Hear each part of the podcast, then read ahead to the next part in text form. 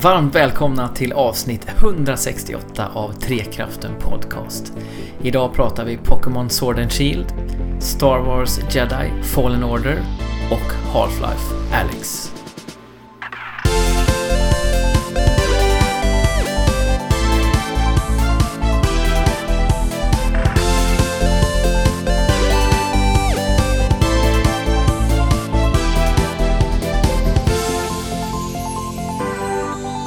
Trekraften är tillbaka i era öron, i era hjärtan och era kroppar är förhoppningsvis redo. Är din kropp redo, Alex? Min kropp är faktiskt rätt redo, måste jag ändå säga. Härligt. Andrew, är din kropp likaledes? Ja men det är den, den är alltid redo. Härligt. Särskilt nu när jag håller på att spela Ring Fit i dagarna. Just alltid det. Hur- redo. Hur har det gått med det? Har du hållit i streaken? Det pratade vi om senast. Jag pratade ju om att hålla en streak på 30 dagar senast va? Mm. Eh, vi kom upp i 10. Vad hände där då? 30%. Ja, det är väl ändå bra eller? Ja. Va? Det, det är väl, eh, det är väl, eh, vad blir det för, D i betyg kanske eller något eller? Sånt? Ja, Är det så illa alltså? DC någonstans? C Mm, kanske? Vi räknar inte med S och SS alltså, utan bara A till, A till F. Alltså du, du la ju ribban också ändå väldigt högt för dig själv, Andrew. Och du är ju Ja, väldigt att- duktig på att lägga ribban på liksom maxhöjd när du ska göra grejer. Det är så här, jag, minns för några år sedan när du skulle springa stadslopp, när du började springa typ tre, fyra månader för, innan loppet och sprang fem dagar i veckan eller vad fan det var. ja. Det är som Tur. det, det, det är när, du, när, du säger, när du säger Andrew, du är ju rätt bra på att rebba, lägga ribban högt. Då låter det som att jag också är dålig på att fullfölja det. Nej, men du, du gillar ju att sätta eh, hög press på dig själv.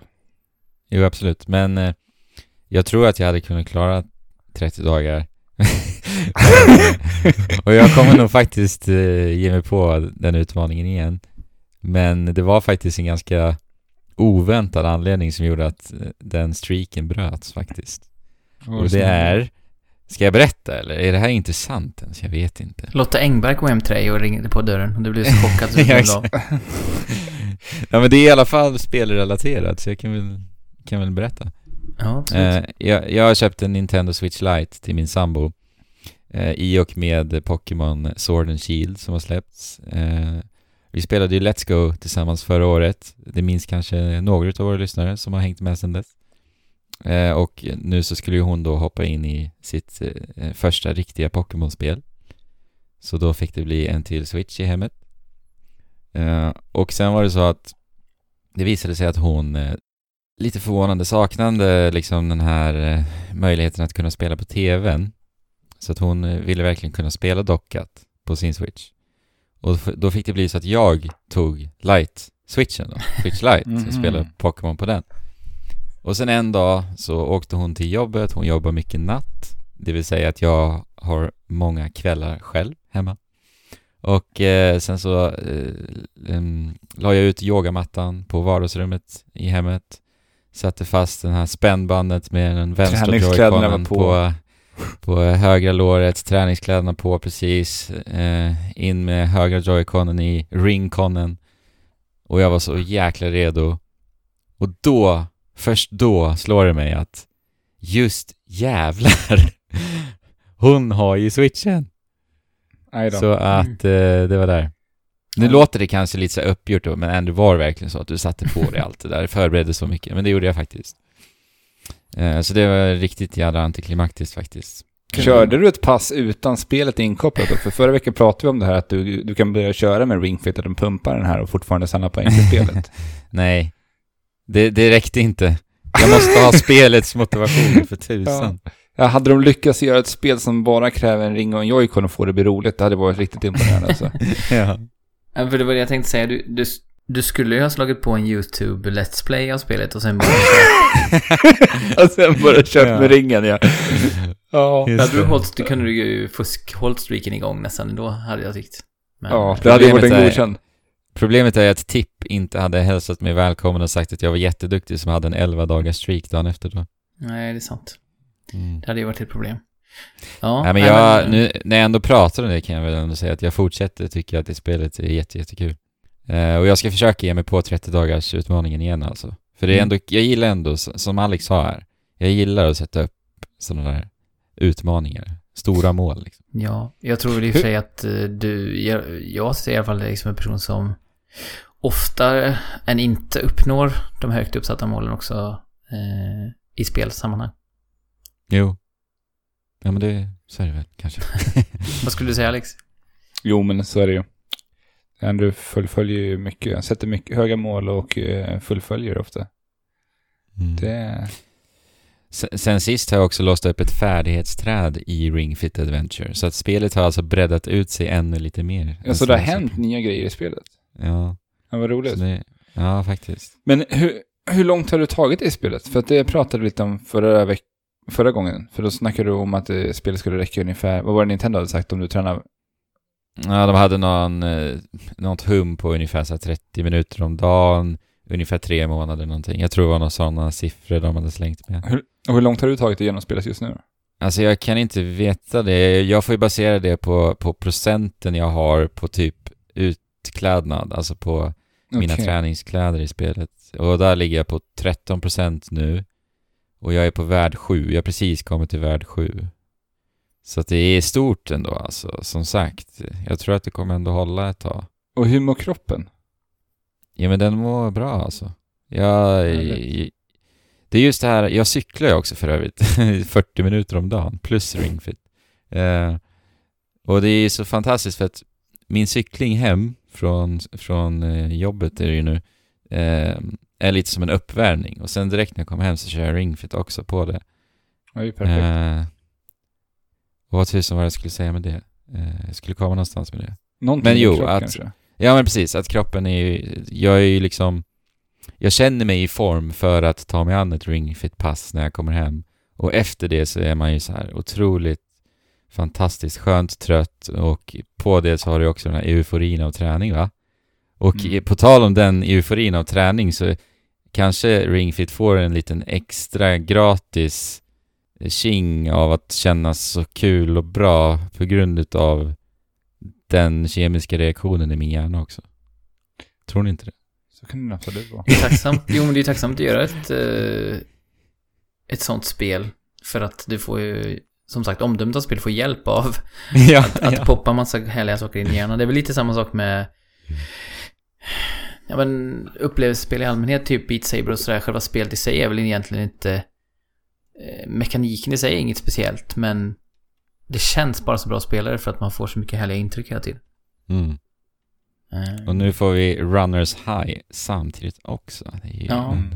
Ni ska också veta det om vi liksom lyfter lite på den här eh, glättiga grafiken här som trekraften är och tittar in på 3D-modellerna och, och liksom skelettet som finns bakom. Så är det ju så att eh, lite så att eh, Andrews hälsomätare fylls på men min dräneras i samma takt. För att Nej. jag skulle, jag skulle ju ha tagit mig an Ring Fit Adventure, men jag misslyckades med att eh, skicka en adress till Nintendo och då blev det default eh, hem till Andrews. Så eh, det blev Andrews som fick ta sig an det här träningspasset och jag är väldigt glad för du har ju onekligen haft mycket nytta av det. Men jag känner att bristen på Ring Fit har gjort att min eh, hälsa går åt andra hållet. Så att eh, jag kanske måste på något sätt eh, åtgärda det. Mm. Ja, Jesper, jag, jag vill ju att du ska spela här. Vi Ja. får, vi Antingen, får antingen, lösa antingen får jag önska mig julklapp eller så får du köra tills du är trött på det och sen så Ja, tar jag över det i vår här. Vi får se lite. Men... Mm. Eh, Ja, jag är själv sugen på ett Ring Fit eh, Adventure faktiskt. Här, just nu sitter jag hemma och jobbar hemifrån. Det hade varit perfekt att kunna bara gå ut till eh, vardagsrummet och ställa sig och pumpa lite grann. Pumpa Mm. lite Mm. ring liksom. Det... Andrew sålde in Och det är kul alltså, som sagt. Vi kanske får göra en sån här 80-tals eh, aerobics-video om vi skaffar alla tre och så får vi eh, köra så här eh, Mm. 80-talssynt och lite så här eh, ett, Det finns ju filter i, jag vet att det finns ett sånt filter i eh, Vegas som jag använder, jag klipper, så jag kan lägga på det. Mm. Nice. Det låter som en bra, Jag är- bra video. Jag har ju pratat lite lätt om att det vore kul att streama det, men det är så jäkla... Det är så mycket bök alltså. Och du Men- behöver ju mycket plats att flytta ner. den. Ja, sig, du kan köra från laptopen. Jag kan ju köra från laptopen i och för sig. Det hade varit kul, men jag ska inte Mm. lova någonting. Nej. vi får se. Men Mm. eh, DreamHack eh, hägrar ju runt hörnet här. När det här släpps så eh, väl en dag kvar till DreamHack. Mm. Ehm, och jag kommer ju vara där och maxa som vanligt i och med att det är e-sportcentrum i Sverige varje år, eller var, två gånger per år. Och ehm, Yeah. De har ju faktiskt in- introducerat en föräldralounge, eh, DreamHack nu, som jag ska befinna mig i och eh, sprida mitt evangelie och i vårt projekt Framtidens e-sport. Eh, vårt evangelie till massa föräldrar. Så att, eh, det ska bli riktigt skojsigt. Mm, får vi höra lite om det nästa avsnitt troligtvis Ja, då. precis. Och så ska vi också få se en eh, lite unik, eh, eller exklusiv åtminstone, gameplay-demo på eh, Cyberpunk på plats också, som eh, Bandai Namco har. Ja, det är en helt ny alltså. Ja, den har visats någon gång, var det kanske GDC eller någonting sånt. Men den är i, i, liksom, i, i Nor- Norden är den, har den aldrig visats förut. Typ. Mm. Det Inte bli- publikt i alla fall. Nej, precis. Nej. Det, ska Det bli- verkar som att DreamHack eh, Winter i år växer rätt mycket. Alltså, så jag har sett ganska mycket att Xbox kommer att ha en ganska hög närvaro där i år också. Mm. Mm. Nej, men det känns som det är ett, eh, en het, eh, ett hett event, så det ska bli skoj. Men ni kommer ju inte dit, tyvärr, och delvis för att ni får en släkting från ert kära England, som er släkt är ifrån. Eh, en del av den i alla fall. Mhm. Mm. Och det här var ett väldigt långt sätt att säga att England, det baserar sig också i det nya Pokémon-spelet. eh, och alla det ju spelen. Det är så Eh, härligt att ha Jesper tillbaka med underbara segways alltså. Som jag sitter och plitar på hela dagarna för att få till. Ja, exakt. Du har suttit, suttit och tittat på våra anteckningar hela dagen. Förberett. Försökt desperat. Ja, nej, eh, ganska spontant. Men Pokémon Shield och Pokémon Sword utspelar sig i Galar Region och det har ju varit eh, himla mycket stök kring det här Pokémon-spelet på förhand. Ja, Och så jäklar klassiskt alltså. eh, outrage som jag har så extremt svårt för alltid. Eh, och mycket för att eh, det saknas eh, en del Pokémon i spelet. Det finns runt 400 Pokémon och tagit bort det här Global, eh, vad heter den? Global Pocket X heter den.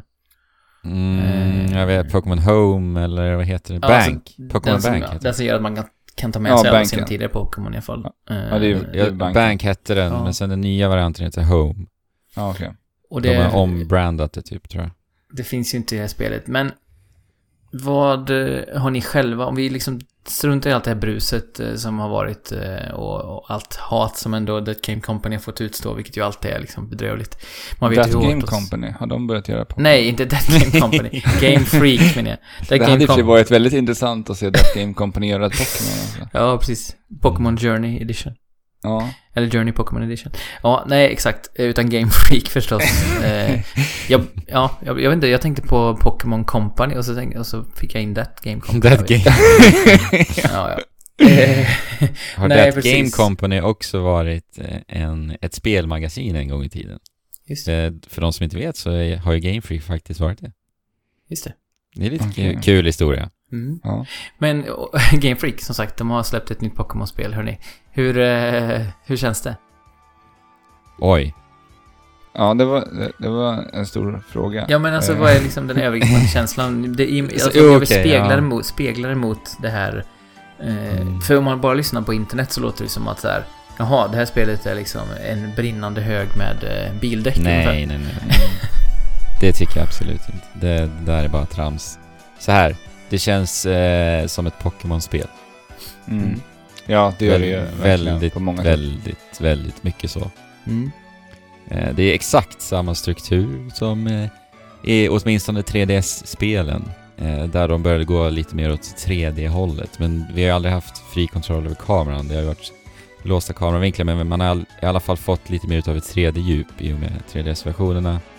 Eh, så att de har till och med också nu gått tillbaka till den här gymstrukturen där vi ska samla på de här gymbrickorna. Och sen är ju då slutmålet att, ja, gissa Jesper. Att utmana The Elite Four kanske. Nej, så? där har de förändrat lite också, men Jaha. i alla fall att, att bli mästertränaren i alla Ah, ja. fall. Mm. Ja. Ultimata målet. Men Elite Four, jag har inte klarat av det. Alex har klarat av det, visst Alex? Jajamän. Jag är precis vid... Jag, alltså, jag har tagit då alla gymbrickor, men jag eh, har inte Men du har av- kvar. Ja, exakt. Ja. The Final Battle som de flänger med ofta under spelets gång. Mm. Eh, sen har vi alltid, som vanligt, en rival som följer dig längs vägen. Vi har det här irriterande gänget som står i vägen för ditt äventyr. Team Gel i det här fallet som är någon sorts punkrock-ensemble. som- Ja, de spelar vidare lite på det Englands temat liksom. Ja, Så exakt. Brittiska punkrockare. Står och skriker i såna här megafoner och vill inte att vi ska komma i deras väg. Mm. Det låter som ett väldigt störigt beteende faktiskt. Stå och skrika i megafon låter Ja, skitjobbigt. det är rätt jobbigt faktiskt. Vi får inte höra det här skriket dock, för det, det, är ingen, det är ingen voice acting alls i spelet. Nej, och när man har spelat Dragon Quest 11 där liksom typ allt är voiceat.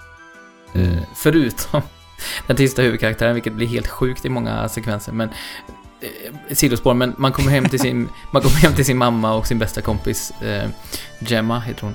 Eh, efter liksom flera månader och eh, jag ska inte spoila men saker har gått åt skogen och liksom man tror att väldigt stor chans att folk ska vara döda liksom. Och så kommer de tillbaka och får återförenas. Och de är ju helt euforiska över det. Varpå Ja. vår hjälte bara så här står och stirrar blank blick och helt tyst. Ja. Åh nej. Jag satt och liksom hoppade av frustration över att eh, han inte visade någon form av känsla. Men det är Inte- såklart att... det- det- Inte ens ansiktsuttryck eller? Nej, men det är ju, det är ju såklart meningen att det ska vara en själv som fyller på med det där. i- Det är ju en speciell grej. Men... Eh, ja, det hade nej. varit häftigt, häftigt att ha en Kinect då som läser av ditt ansiktsuttryck. Mm. Som då speglas av på avataren i spelet. Ja, precis. Tårarna hade Mm. runnit. Ja. Eh, vilket jag faktiskt gör i det spelet i övrigt. På, an, på en, del, en del annan karaktär. Så, så gråter karaktärerna, vilket inte är så vanligt. Mass Effect 3 har jag också sett i. Eh, oj, jag spelar faktiskt Death Stranding för övrigt just nu. Ja, just det. Där har Ja, man och på sett tal en om gråt. Vad sa du? Där har man ju sett en del gråtbilder. Men det är all, någon allergireaktion, det inte så? Är för mig är det lite, jag kan inte svara på det riktigt än. Men Nej. ja, alltså karaktärerna säger rakt ut att det är en allergireaktion. Okej. Men vissa gånger tror jag att det inte bara är det, än så länge. Förtydligar de då det att This is not an allergy reaction by the way. Nej, det kan man ju tro när man prat, pratar Hideo Kojima i och för sig, men... Det alltså det är, exponeringen i det där spelet är helt galen. Men ja, de gråter sjukt mycket i, i Death Stranding. Och det är Ja. ganska, jag gillar det faktiskt. Ja, men eh, inte så mycket gråt i Pokémon kanske, det brukar sällan vara det. Men, eh, eller så här, är det gråt så är det sån här eh, anime-gråt. att det sprutar Ja. tårar. Men, eh, ingen voice acting som sagt. Är det liksom... Ja, förutom vissa Pokémon så som Pikachu liksom. ja, precis. Pikachu och Eevee. För Ja. att de spelade in röst till Eevee i och med Let's Go förra året. Så att de ljudfilerna är kvar. Men att är det ett eh, problem att de, alltså nu när det kommer till Switch, det är ju första gången det kommer till en sån här kraftfull konsol liksom. Tänker man på att, Mm. åh, man skulle vilja ta voice acting eh, i spelet? Alltså det hade ju varit charmigt att haft det till eh, Poké- alla Pokémons. Alltså Ja. det hade tillfört väldigt mycket. Istället blev det så här, när, när jag upptäckte att de hade egna voice lines för Pikachu och Eevee så vart jag liksom livrädd när jag gick runt i gräset. Bara, vad är det här för ljud? Det har jag inte Ja. hört förut. Det blir lite märkligt när alla andra, alltså Har de här digitala ljuden? 98 andra har, ja precis, så jätteskrikiga midi-ljud. Typ, Ja. som faktiskt helt ärligt låter väldigt illa.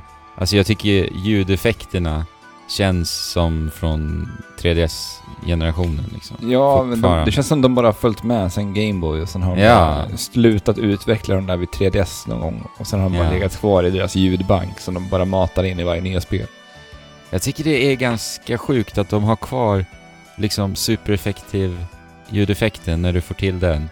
Not Mm. very effective ljudeffekt, alltså när du drämmer till med attacker. Ja, det känns som att Ja. man hade kunnat uh, uppa den lite grann. Alltså, Ja, Få lite mer tryck i den på något sätt. För att det är så Verkligen. mycket annat ljud i spelet som är så pass bra. alltså, med framförallt musik, musiken liksom. ja. Men just, just ljudeffekterna är... Och, och bara den här saken att när du går med din avatar in i en vägg så, så låter det lite så här BOOM! Det är bara som att du bumpar in i, i väggen. Och det kan Mm. vara osynliga väggar. Oavsett vilken vägg det är så är det exakt samma ljudeffekt. Och den här ljudeffekten har också följt med i alla fall hela 3DS-generationens Pokémon-spel. Det är jag Mm. rätt övertygad om. Och det känns bara som en sån här onödig ljudeffekt egentligen från början också. Det hade Ja. inte behövts. Men de bara, äh, vi gillar den där bumpljudet, vi kör den här också. Men här är ni ju inne på någonting som tangerar det som många har varit upprörda över.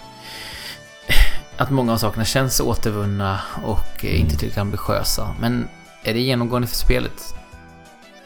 Alltså, det, det finns ju såklart mycket nya saker som jag eh, tycker om jättemycket. Mm. Och eh, dels är det ju att det är ännu mera 3D i det här spelet. I och med att man, alla Pokémons är, har sina egna 3D-modeller som faktiskt vi kan se huserar runt i den här världen. Så Mm. att Ja, vi, vi har ju inte random encounters på det sättet som vi har haft i tidigare Pokémon-spel. Utan här istället så kan vi se Pokémons som tar sig runt i gräset mm. och vi kan välja att gå in i striden. Sen finns det vissa Pokémon som du tyvärr inte kan se ovanför gräset så man måste ibland gå runt och jaga i gräset ändå för att hoppas på att hitta någon specifik Pokémon. Mm. Men, men det bidrar väldigt mycket till världen och det gör ju att världen känns mycket mer levande. Mycket mer levande än vad Pokémon någonsin har känts. Ja, och det här introducerades ju i och med Let's Go förra året. Och jag tror att jag sa det då att min absoluta största önskan till eh, nästa Pokémon-spel skulle ju vara att de för det vidare in i nästa del. Mm. Så att med glädje, glädje ser jag ju det även här. Eh, men sen gillar jag ju också det här som du sa Alex, att emellanåt så eh, ser du dem inte enbart i det vilda. Mm. Utan de har ju egentligen tagit lite det bästa av båda världarna med random encounters och att du nu bara behöver gå in i Pokémons du faktiskt ser. För att emellanåt när du rör dig omkring i gräs så kan det komma upp ett utropstecken som en symbol. Och rör du dig då mot det utropstecken tecknet och in i utropstecknet, du ser att det liksom rafflar till lite i gräset. Då blir det en, en random encounter. Och då Mm. kan det vara slumpmässiga pos- Pokémon som dyker upp. Och jag har läst, tror jag, att det kan också i och med dem dyka upp något mer sällsynta Pokémon. Och det jag också upplevt att det faktiskt gör när man hoppar in i de utropstecknet Pokémonarna. Jo, det har ju jag märkt ganska hårt. Jag hade ju en eh, riktig, ordentlig speldag Mm. här i lördags. Jag, jag spenderade i stort sett 12 timmar på att eh, spela Pokémon. Där jag, här, jag klarade av spelet de få, två första timmarna av de här 12 timmarna. Sen så bestod de resterande 10 timmarna av att jag var ute och grindade Pokémon-jakten. Mm. Så att jag, eh, jag började ju liksom, de, de har ju uppdaterat Pokédexet, hur det funkar i det här spelet. Jag vet inte om det var så i Pokémon eh, Let's Go-spelen. Men nu kan man alltså gå in i Pokédexet och får du så rekommendationer av Pokémon som du kan jaga och vart, eh, vilken del av kartan de befinner sig. Just det. Ja, och då ska jag säga också att det är Pokédex, alltså Pokémons du saknar i Pokédexet liksom. Eh, ja, exakt. Så Mm. Pokémons du behöver fånga för att samla information om. Och, och den här har jag ju använt mig väldigt mycket av när jag klarade spelet. Så det har ju varit Mm. mycket av mitt endgame har ju gått åt att eh, till, spenderat på att eh, jaga, jaga de här Pokémonsen. Mm. Och då har jag ju insett att många av de platserna har jag bara gått förbi och bara liksom plockat Pokémon som jag har sett vandrandes i, i gräset. Men Mm. det finns ju jättemycket gömda Pokémon och sällsynta Pokémon som rör sig i alla trakter egentligen. Mm. Om man bara spenderar lite tid på alla ställen. Ja, för jag tror att du och jag spelade nog spelet lite annorlunda faktiskt. För att jag eh, spenderade rätt mycket tid i vardera route. Vi, Mm. För vi, som i alla Pokémon-spel så rör vi oss mellan städer på dessa routes och det är där vi kan ha chans då att fånga lite Pokémons. Vi träffar på eh, Pokémon-tränare på vägen som då ska vara lite mer utmanande strider och sådär. Eh, och här spenderade jag faktiskt rätt mycket tid och försökte så nästan fånga allt. Ja, längs Innan. vägen framåt liksom. Ja, exakt. Längs Mm. vägen innan jag gick vidare och sådär. Eh, och i och med det så hittade jag ju en hel del. Jag tror jag, utan att ha klarat av spelet, så är jag uppe i 220 Pokémons nu totalt. Mm. Unika alltså då. För att du, eh, du klarade ju spelet väldigt mycket snabbare än vad jag gjorde. Mm.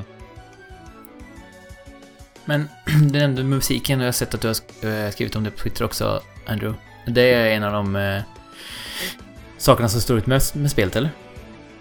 Ja, för min del alltså. Jag tycker att musiken är helt fantastisk. Jag älskar verkligen musiken alltså. Och det är någonting jag har insett eh, i och med det här spelet med Pokémon eh, som spelserie är att jag tycker att Pokémon som spelserie är en av de mest konsekventa spelserier som finns när, vad gäller soundtrack alltså. För att Alltså jag kan X och Y, fantastisk musik. Sun and Moon, fantastisk musik. Eh, Blå-röd, herregud. Mycket nostalgi där också såklart. Men alltid, alltid, alltid levererar Game Freak vad gäller musiken. Och den är otroligt, otroligt varierad. Eh, de experimenterar jättemycket. Det är mycket så här märkliga ljudeffekter, många typer av olika instrument. Det är inget tema känns sig likt det andra. Men ändå så lyckas de på något sätt hitta en liksom röd tråd i den här mysiga, äventyrliga Pokémon-känslan. Alltså det är så otroligt, otroligt välgjort alltså. Låtarna till eh, anime-serien är också riktigt bra. Alltså uh, introlåtarna. Mm. Jag brukar gå runt och nynna på dem. Jag kommer ihåg att det var, det var ju lika exalterad musiken i Sun and Moon också som... vad- Ja, men precis. Tre, tre år sedan. Så då gjorde du, Tre år sedan, du, då gjorde du en eh, metal cover på en av låtarna där. Ja, på ett tema. Har du spelade blivit sugen med på att göra en metal cover på någon av låtarna från, eh, från Sword and Shield? Har du börjat knåpa ihop någon? Nej, jag har faktiskt inte gjort det. Vi får se. Det kanske blir någon. Det hade varit kul att göra det. Men- Du får ju ja. dina musikryck när du bara gör det på en dag liksom. När, Ja, när du blir exakt. lite taggad. Det var ju lite kul, vi spelade ju faktiskt upp den eh, Sun and Moon-covern jag gjorde i avsnittet när vi pratade om Sun and Moon. Ja, just det. Det gjorde vi ja. Ja, Så nu har du, nu ska säga, två dagar på dig att eh, ja exakt. skriva, skriva och göra låten nu då. Så du kan komma med i avsnittet. Ja. Nej men alltså det, för mig har musiken varit en jättestor del av det här spelet. Alltså det är den som får mig att bara vilja befinna mig i den här världen. Tillsammans med också, det är inte tekniskt ett snyggt spel, men det är ett väldigt estetiskt fint spel. Alltså det är många fina vyer. Jag tycker om den här nya Galar Region. Eh, det här som vi sa i början då Jesper. Eh, England, brittiska temat lite. Mm. Jag, jag, tycker ju att artstylen funkar väldigt bra och man förstår ju varför man valt att gå med en så pass enkel artstyle ändå. Med tanke Ja. på antalet Pokémons de har att 3D-modellera och animera. Ja, ja verkligen. Det är ju många olika animationer. Jag tänker framförallt på Pokémon som syns ute i, eh, i, i världen som huserar runt i, i gräsen och det. De har ju sina egna animationsmönster. Mm. Men sen i fighterna, där har de ju kvar det här gamla, att man bara återanvänder en och samma animation. Det är så här, en Pokémon hoppar upp och dunsar och sen så skickar den iväg lite, någon liten partikeleffekt och sånt där. Är det väl lite, har de väl sparat in resurserna. Ja, Men, det, jag sa det till dig Alex, det är som att de tar 3D-modellen och drar dem upp och ner på y-axeln bara. Det är, ja, liksom, precis. Det är så de utför, utför en attack. Ja, ja. Men eh, den här nya, nya inslaget eh, Wild Area som när man såg det från början så var det som att det var på väg att infrias hela den här Breath of the Wild eh, Ja. drömmen som man har om Pokémon World. en, ja. Eh, men men eh, det är ju bara en del av spelet då, men hur, hur funkar den delen? ja, men den är ju lite så alltså stort öppet eh, område. mm. Du kan egentligen från första gången du besöker Wild Area så tror jag att du kan be dig runt i hela området. Nej, inte va? hela. Det finns vissa ställen som du inte kommer över förrän Okej, du har kommit till typ gången, ja. gym 7 eller något sånt där. Ja, det är nog tidigare än det. Jag tror det är fyra eller något sånt. Ja, men strunt samma. För du måste det... ta dig över vatten. Du måste ha en grej för att komma över. Ah, okej, okej. okej. Eh, jo, men eh, stort öppet område eh, så att du fritt kan vandra. Eh, ja, i stort sett då. Eh, vart som helst inom detta. Och fri Eh. rörlighet med högerspaken, det vill säga du kan titta runt som du vill Mm. i 3D också. Mm. Ja, exakt. Vilket man fri, inte kan i resten av spelet. Nej, fri kamera i ett Pokémon-spel. För första gången. Ja, det var ju fantastiskt när man gick oss in där första gången. Och man ser... De är, de är ganska duktiga på det. Första gången man begav sig in där så fick man ändå se större och mycket mäktigare Pokémon ganska tidigt. Jag vet att jag Mhm. mötte på typ... Eh, om det var Snorlax och så här. Ja, det... Jag har skrivit i mina anteckningar. Total demolerad av level 50 Snorlax. Ja, ja precis.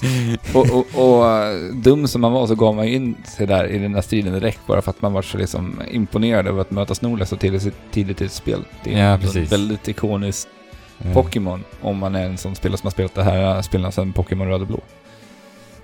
Precis. Och Så, sen, eh, det som hände, hände mig med Snorlax var ju att jag inte kunde fly heller. Det är det det- som är saken, alltså att springer in i Pokémons som är, har extremt mycket högre level än vad du har, så har du också svårt att fly. Och, åkte du på pisk utav Snorlax då? Ja. Eller lyckades du fly till slut? Tre, tre Pokémons dog, sen lyckades jag fly. Ja, vad skönt. Och det var ju ändå en unik upplevelse för att vara ett Pokémon-spel, måste jag ändå säga. Mm. Så att det kändes ändå som att de har ändå tagit något steg och i den riktningen som vi i våra drömmar ser ett Pokémon-spel. Med liksom överraskningar, eh, lite Mm. saker som kan hända som inte riktigt... Ja. Överraskningar helt enkelt. Men i övrigt så är väl spelet ganska enkelt, är det inte så? Är det lite, nästan till och med aningen enklare än tidigare? Nja, alltså det, jag skulle det, säga... Det är väl ganska lika samma svårighetsnivå som nästan alla Pokémon-spel har legat på, tycker jag. Ja. Fast jag, jag vet inte. Det jag minns av uh, Alpha Sapphire som jag håller som mitt favorit-Pokémon fortfarande var att det var något mera utmaning. Men det kan ha varit för att jag... De, hade, de var väldigt duktiga på att sprida ut väldigt mycket legendariska Pokémon i det spelet. Mm. Så att mycket av min jakt gick, på, gick ut på att leta upp de här. Och jag spelade det väldigt annorlunda än vad jag gör det här, för att här har de inte lika mycket hemliga ställen man kan ta sig till.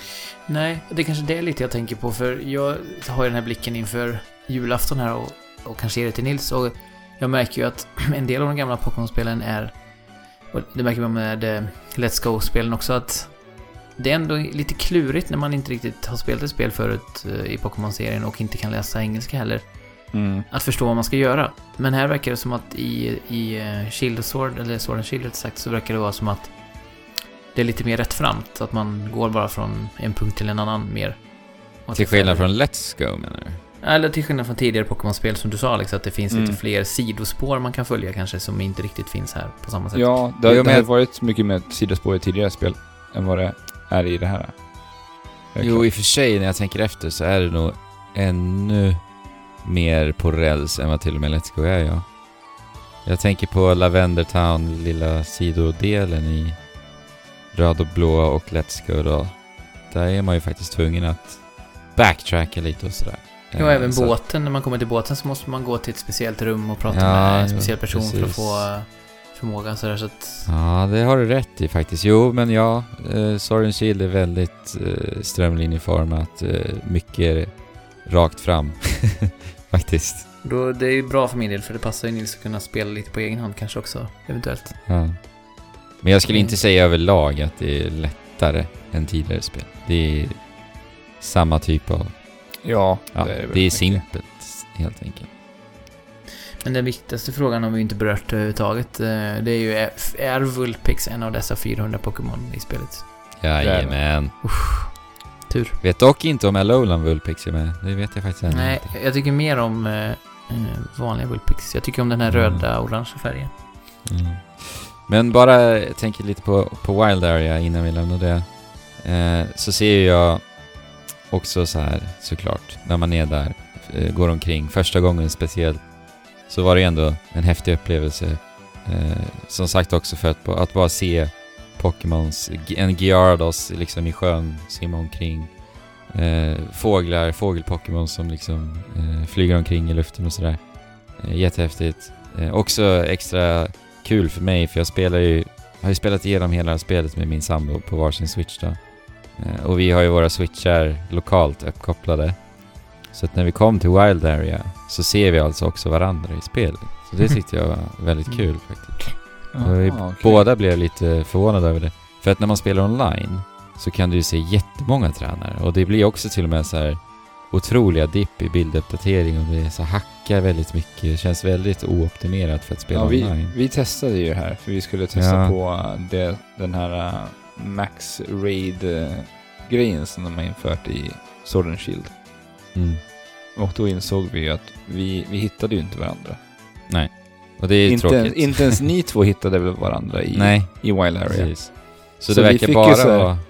Vi, istället fick vi så här, uh, försöka beskriva vart på kartan vi var.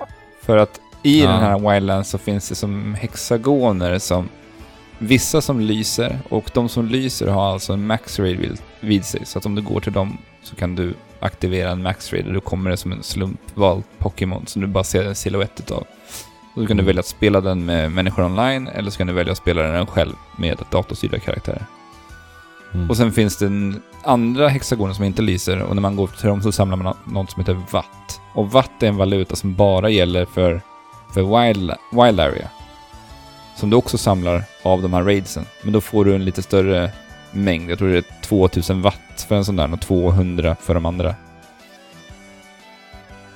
Och watt kan man väl använda för att typ gräva fossiler och sådana Ja, saker. precis. Och hitta så här sunstones och så här everstones och allt vad det nu är. Som po- stenar som krävs för att eh, utveckla vissa typer av Pokémons, bland annat. Mm. Det finns Och så får man eh, rätt bra belöningar om man klarar en raid också. Ja, Jag har ju klarat två bara. En med dig och min sambo och en med henne då. ja. Eh, men jag, alltså, jag är ändå lite småsugen på att ge mig in i raids efter jag klarat av spelet. Jag vill en, för det är en del av spelet jag inte riktigt har, har ännu upplevt. Också i hela den här endgame-delen så att säga. Så att vi får Jag, se. har Alltså, ju, jag spelade ju de där tio timmarna jag ägnade Ja. i, åt mitt grindande var ju nästan... var ju väldigt stor del i det här wild areat. Där jag gick runt men du raidade också alltså? Ja. Ja. Och jag Hur, gjorde vad är upplevelsen av det? Problemet för mig var att när jag skulle leta andra människor att spela med, alltså randoms, så tog det... Jag hittade aldrig någon att spela med. Så det var Nej. så här, den bara står och searching, searching, searching och maxtiden är på två och en halv minut och, och jag insåg så här, det kommer aldrig komma någon. Det är ingen som kommer in i de här spelen. Jag försökte flera gånger. Nej. Så att det resulterade i att jag spelade med datorstyrda karaktärer. Och valet av de Pokémon som de tar är helt idiotiska. Det är så här. Det är en som alltid kommer ut med en Magikarp som bara ligger där och Nej. slapprar. Och jag splash. Ja.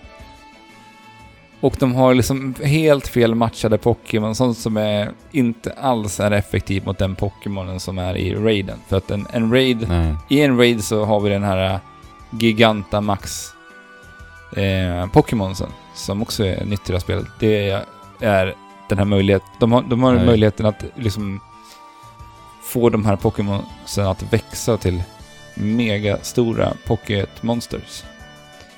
Det är något oförklarligt fenomen i regionen Galar, hörni. Mm. Känner vi igen det?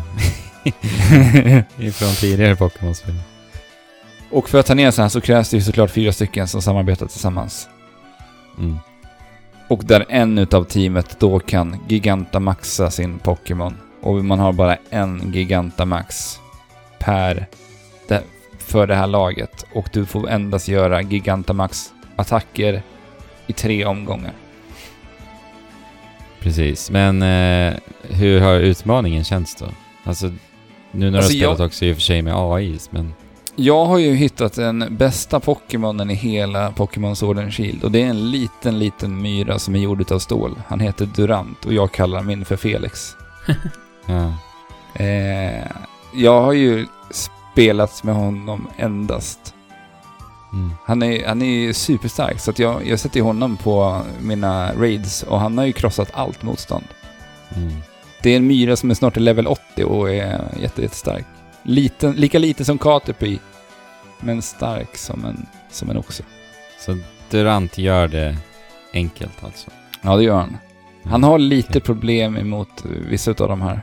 Man, låser ju, man, man kan ju också möta exklusiva Pokémons i de här raidsen. Som man Mm, bara kan få precis. tag på via raids. Just det. Men, Det eh, gillar jag faktiskt. Jag har inte hittat någon utav dem än faktiskt. Jag har Nej, bara okej. stött på Pokémon som jag har kunnat hitta ute i i Wild Area och längs resan. Så. Men känns det tradigt att hålla på och gå in och ut och raids och försöka hitta någon Pokémon som du saknar? Eller känns det ändå kul att Alltså, bara ta sig an dem för belöningen liksom? Jag har mest använt raidsen på det sättet att jag farmar sånt här EXP Candies. Just det. Och eh, det är till skillnad från Rare Candies som vi alla är vana med från, från Pokémon-spelen så funkar EXP Candies. Det finns ju alla olika storlekar. Så finns det small, medium, large och en extra large. Mm. Så har de liksom ett satt värde som, av XP som man kan mata till sina Pokémon och kunna snabblevla. Mm. Så det har varit därför som jag har försökt farmat eh, de här. Alltså för att Så- jag vill ha mycket av det. Så att ditt långsiktiga mål är då för att kunna evolva och i det i sin tur för att kunna bygga ut hela din Pokédex, eller? Ja, och för att jag vill ha ett, eh, ett schysst, starkt lag som jag kan gå upp och, och köra endgame-delarna med i spelet. Ja. Nice. För det får, det man väl ändå, det får man väl ändå säga så här med Pokémon överlag. Alltså så här, Pokémon Shield spelar jag, Alex du spelar Sword. Mm. Po- Pokémon Shield måste jag ändå säga att jag har haft en kul tid med. Alltså jag tycker ändå, jag har liksom njutit av att spela det här spelet ändå. Och det, det ligger till typ så här 90, 80-90% i att det är ett Pokémon-spel. Och med det spelar jag, eller menar jag, att alltså det fundamentala i Pokémon, alltså grunden. Alltså jag tröttnar aldrig på det. Jag vet inte, jag kan aldrig få nog av, av att upptäcka nya Pokémons. De nya Pokémons i Galar-regionen för övrigt tycker jag är jätte, jättebra. De är bland de bästa på länge alltså, eh, de nya Pokémons. Eh, Att upptäcka de här, fånga de här, utveckla eh, de här och att bara så här bygga upp sitt, sitt kraftpaket till Pokémon-lag. Alltså, det, det är någonting i det där som... som det, får, det finns inget annat spel som får mig att känna mig så mycket som ett barn som Pokémon gör alltså. För att det är så mycket nostalgi för mig i det här och det är så tillfredsställande hela den här processen. Det är så djupt inpräntat hos mig. Jag, jag, det känns som att jag aldrig kommer tröttna på det liksom. Nej. Jag vet inte, det är, men det är högst personligt bara hos mig liksom. Så. För mig, så jag vet att jag sa det när vi pratade om Sword and Shield för att efter det spelet så kände jag mig väldigt, väldigt mätt på Pokémon. För då hade jag ju spelat Mm. nästan äh, allt som hade kommit de senaste åren där. Mm. Och jag var väldigt mätt på det efter Sword and, jag vill säga Sun. Ja, precis. Och jag, jag var det inledningsvis i Pokémon Sword and Shield också. Så här, jag, jag, jag kände mig inte jätteroad i början, men sen så... När, när det kom till det här Wild Area och eh, musiken, världen, stämningen, allting och bara få se alla de här 3D-modellerna som rör sig runt i världen så helt plötsligt bara hände det någonting. Och Ja. då tyckte jag det var lika mysigt som det alltid har varit igen. Mm. Men det tog en liten stund för mig. Ja, för det kan vi ju säga också att inledningen är ju jäkligt trist alltså. Ja, den är, och, och det är en... Man har gjort det så många gånger. Den Ja. där långtråkiga inledningen i Pokémon-spel. Ja. Alltså jag pepprade på A-knappen i början alltså. Jag ville bara Så komma du- ut från... Så du vet inte storyn om varför de kan gigantamaxa Pokémonsarna? Jo men... Okej, det, det räcker att lusläsa i ett Pokémon-spel Ja. för att du ska förstå. Eh, så jo, jag vet ändå. Eller jag har ju inte klarat av det ännu, men jag kan väl ana något här. Eh, ja, men eh, jag ville bara nog avsluta det där jag var inne på i Wild Area innan vi kom in på raidsen och alltihopa där. Och det är väl lite så här bara vad jag ser då när jag spelar med min sambo här och vi träffade på varandra. Vad jag ser att Wild Area skulle kunna vara. och det det inte är. Ehm, jag tänker så här, ni vet i Pokémon Let's Go så berättade jag lite om att man också kunde rida på, på sina Pokémons. Ja, just Mm. det. Man kunde ju flyga på sin Charizard. Du kunde rida på din Taurus. Det kunde man till och med göra i Sun and Moon också tror jag. Eh, men att kunna göra det i just Wild Area hade varit det- så himla häftigt alltså. Ja, då hade de ändå... Ja, jäklar. Och tänk också så här och bara, Alex. alltså att de bara ha den som din companion som går bakom dig. Det hade också tillfört väldigt Ja, mycket. precis. Exakt. Och tänk så här också Alex. Tänk att du exempelvis skulle behöva en flyg-Pokémon på säg level 80. Ja. För att leveln symboliserar ju ändå på något sätt hur, hur kraftfull eh, det här djuret då är så att säga. ja. Säg att det skulle vara så här, ja men du behöver level 80 för att kunna flyga upp på det där berget. Liksom. Och Mm. på det berget högst upp på toppen så är det liksom en, En so Zapdos. sovande, sovande Zapdos, en legendarisk Pokémon.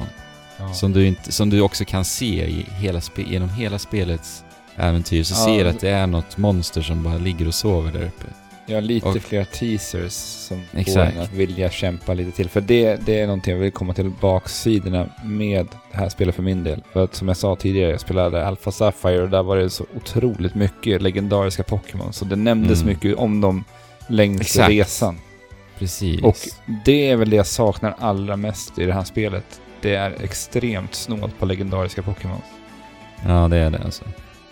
Så för mig så blir det här äh, endgamet för mig blir väldigt, väldigt tunt. Ja. Och att kunna då implementera det på det här sättet i Wild Area hade varit Ja. häftigt. För, för man spenderar väl ändå rätt mycket tid kan jag tänka mig i Wild Area, i endgamet liksom. Det är där Ja, jag, kommer- jag har ju varit där en hel del. Ja, exakt. Och, och just bara att så här froda liksom upptäcka lustan lite i Wild Area. Mm. Det är någonting... Men det här är väl ändå ett första steg, det får vi väl ändå säga såklart då. Ja. Men jag ser bara så mycket potential här. För, ja. Nu när de ändå tagit det första steget till att köra en full 3D-värld som de gör i Wild Area så kan de inte gå tillbaka heller. Nu måste de ta... Nej. Till nästa spel måste de ta ett större steg än vad de har gjort nu. Precis. För det är det vi kommer förvänta oss nästa gång. Ja. Och jag, jag tänker också bara så här att interagera lite Wild Area i progressionen utanför så att säga också. Att du till exempel kanske hittar något hemligt föremål på routes eller i städer som kanske du kan använda för att liksom eh, öppna upp någon mystisk eh, förhistorisk dörr i en grotta så kommer Mm. du in där. Alltså förstår du, det går att göra med Ja, ganska att det skulle vara lite mer upp-. Mindre Wild Areas längs vägen. Ja men precis. Det hade ju bidragit områden. jättemycket. Ja. Så att det, det, det behöver inte vara med så, här, så svåra medel heller så att säga. Så. Eh, man kan ju kampa i Wild Area också. Eller egentligen på alla, överallt ute i världen också. Mm. Eh, inte också-. Nej, inte inomhus. Det är väl också en, eh, nyhet i and Shield. Eh, ganska, ja, Har du- har du triviala här mycket? minispel där man lagar curry. Du kan göra det här med dina vänner också. Ja, jag har faktiskt gjort det med, med min sambo. Vi har lagat lite curry. Hur, hur ser ditt currydex ut då? Currydex. Eh, ja, har du, har du, har alltså du fått ditt curry, har du fått ditt currydex ratat av snubben i Wild Area? Nej, det har jag faktiskt inte. Okej. Jag tror jag ligger på runt 10 olika currys i mitt currydex i alla fall. Ja. Jag jag hade i alla fall en rutin att laga lite curry varje gång jag stötte på campare längs vägen. För att man helar ju sina Pokémons när man äter lite curry också. Mm. Eh, men annars spenderar jag inte jättemycket tid i de, i de här campingplatserna. Eh, du kan ju leka lite med dina Pokémons också. Eh, kasta boll och vifta med någon liten lekpinne och allt det där. Det, det kan ju skapa lite, lite komiska eh, vyer i och för sig. Eh, min sambo spelar ju Grookey som starter. Det gör ju du också Alex, eller hur? Mm. Man får ju välja mellan so- Sobble, Scorbunny och Grookey då. Vad kör du? Jag kör eh, Sobble. Okej, så Ja. ingen kör Scorbunny alltså, det förvånar mig. Ja, det skulle nej. nog vara mitt val. Ja, Filippa valde mellan Scorbunny och Grookey. Gjorde. Alltså så, så, så fort det finns en apa att välja på så tar jag Mm. Det är Jag ganska ju- många apor ändå i Shield. finns några andra också. Men eh, i alla fall då så, och hon valde Grookey och Grookeys sista utveckling ser ganska, har ganska mycket pondus och ser ganska eh, skräckinjagande ut ändå Det är för att vara en. Pokémon. Ja, exakt. Eh, Det är en gorilla. Det kan man väl ändå förvänta sig. Jag tänkte Ja. om det var en spoiler, men det... som eh, också odlar fram någon slags trumma. ja, precis. Trumma lite. Och trumpinnar. Det liksom kommer inifrån honom. Men det komiska Märkligt blir då att om du leker med leksaker med den här Pokémonen så ser det rätt tramsigt ut alltså. Att den här stora eh, skräckinjagande apan står och leker och kastar boll, hämtar bollar och hoppar omkring lite glatt. Har, har du sett Grimmsnarl? Eh, Det är en riktigt skräckinjagande Pokémon på tal om det. Alltså. Jag var lite Okej. chockad när jag såg Grimmsnarl. Nej, jag har inte sett faktiskt tror jag. Eh, han, honom skulle jag nästan testa att latcha lite med. Det kan nog bli lite o... Jag har nog typ över 100 Pokémon som jag ännu inte har sett alltså. Det är en hel del ändå. Ja. Ja, vi har ju ännu mer Pokémon att spela. Jag har ju massa Pokémon som skickar över till dig. Jag håller ju på och breedar lite bebis-Pokémons nu. Mm. Och sen behöver vi hjälpa varandra med lite raids och sånt där. Så Ja. kommer väl fortsätta spela det här. Kanske inte lika hårt som jag har gjort hittills. Nej. Eh, Det lite kommer mer jag sporadiskt sådär. Men, och, och eh, det kommer ju inte vara ett spel som så här etsar sig fast i ens minne. I- Bara så här storymässigt är ju spelet också rätt... Eh, ja. Det kommer och går om man säger så. Jo. Och man tar inte in så mycket. Men eh, vem av er hade spelat Shield och vem hade spelat Sword? Jag har spelat Ja. Shield. Och jag har spelat svärd. Mm. Och eh, du är ju inte den enda som har spelat med svärd, Alex. Det har ju faktiskt Andrew också gjort, fast eh, lite mer eh, laserformat svärd. Ja men det har jag ju. Just det. Jag har ju också i och för sig spelat med svärd i Pokémon. Alltså, För att, ja, för att jag har ju alltså lyckats eh, genom min sambo få tag på Farfetched som är Sword exklusiv, alltså Pokémon Sword exklusiv. just det. Och Farfetched är ju en gammal klassisk Pokémon från de för- 101 151 och man kan utveckla Farfetched till Surfetched nu. och då eh, typ, ja, transformeras hans eh, purjolök till ett svärd Ja, typ, det ser nästan ut som en lans, tycker jag. Ja, precis. Det är så Landsaktig. Ja. Så att det där med, med Surfetched har jag ändå vevat lite med svärd också. Och jag har ju Dynamaxat den här Surfetched, Surfetched en, en hel del också. Eh, och Dynamax som vi sa, det är när, när vi blir sådär ultrastora. Eh, kan vi bara säga snabbt också på tal om Dynamax, jag tyckte inte det tillförde mycket i striderna alls faktiskt. Det enda strategiska det kom med var att läsa av när din motståndare skulle initiera sin Dynamax. Men det behövde man ju typ inte läsa av. Nej, För för, det det, hände alltid på deras sista Pokémon. Ja. Ja. Så att det enda strategiska det kommer var att så här. Hmm, behöver jag hela min Pokémon jag har ute nu innan jag Dynamaxar den så att jag inte dör av, den av motståndarens Dynamax-attack? Det var typ så långt det sträck- sträckte sig liksom. Ja. Eh, Så att det var en liten besvikelse. Men däremot så tycker jag ändå så här. Jag gillade ändå spektaklet av det. Det måste jag faktiskt säga ändå. Det var ändå så här småkul att bara se de här... Ja men typ min Sobble i början då. Den här gulliga lilla vattenstarten liksom. Blir tre höghus hög liksom. Och vissa Eh. Pokémons gör de ju faktiskt om väldigt mycket, alltså i sin Dynamax-form. Ja, speciellt med Gigantamax också då. Ja, för då blir det, jag vet att eh, de har ju så här att du kan plocka ner en, eh, en Meowth just nu, som är ex- tidsexklusiv i Pokémon just nu, som är någon sån här det. Super Gigantamax eh, Meowth. Som, Mm.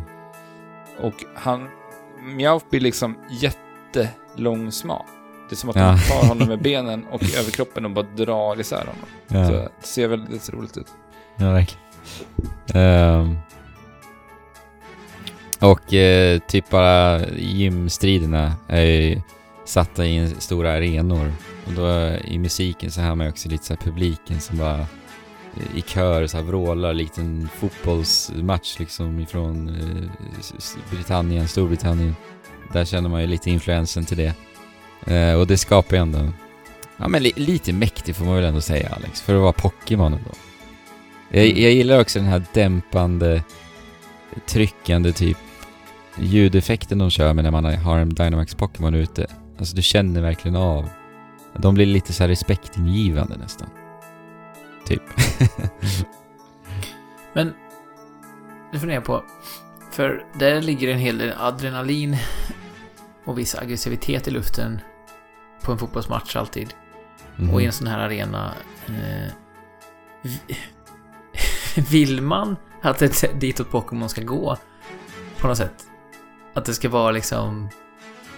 Eh, som en arenastrid. Alltså gladiatorstrid plötsligt eh, till slut. Ja. Alltså, man vill kanske snarare att...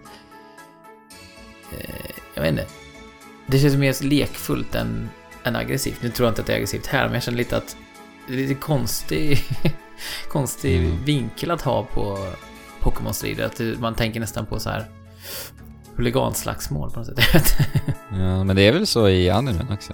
Det är väl alltid stora arenor, eller?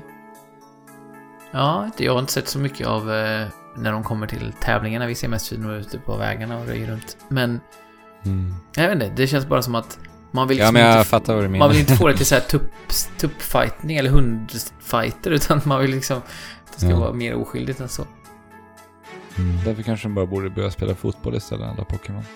Ja, det har vi pratat om många gånger förut. Olika eh, uppföljare på eh, Strikers. Mm. Eh, det kanske är Pokémon som får ta den fanan.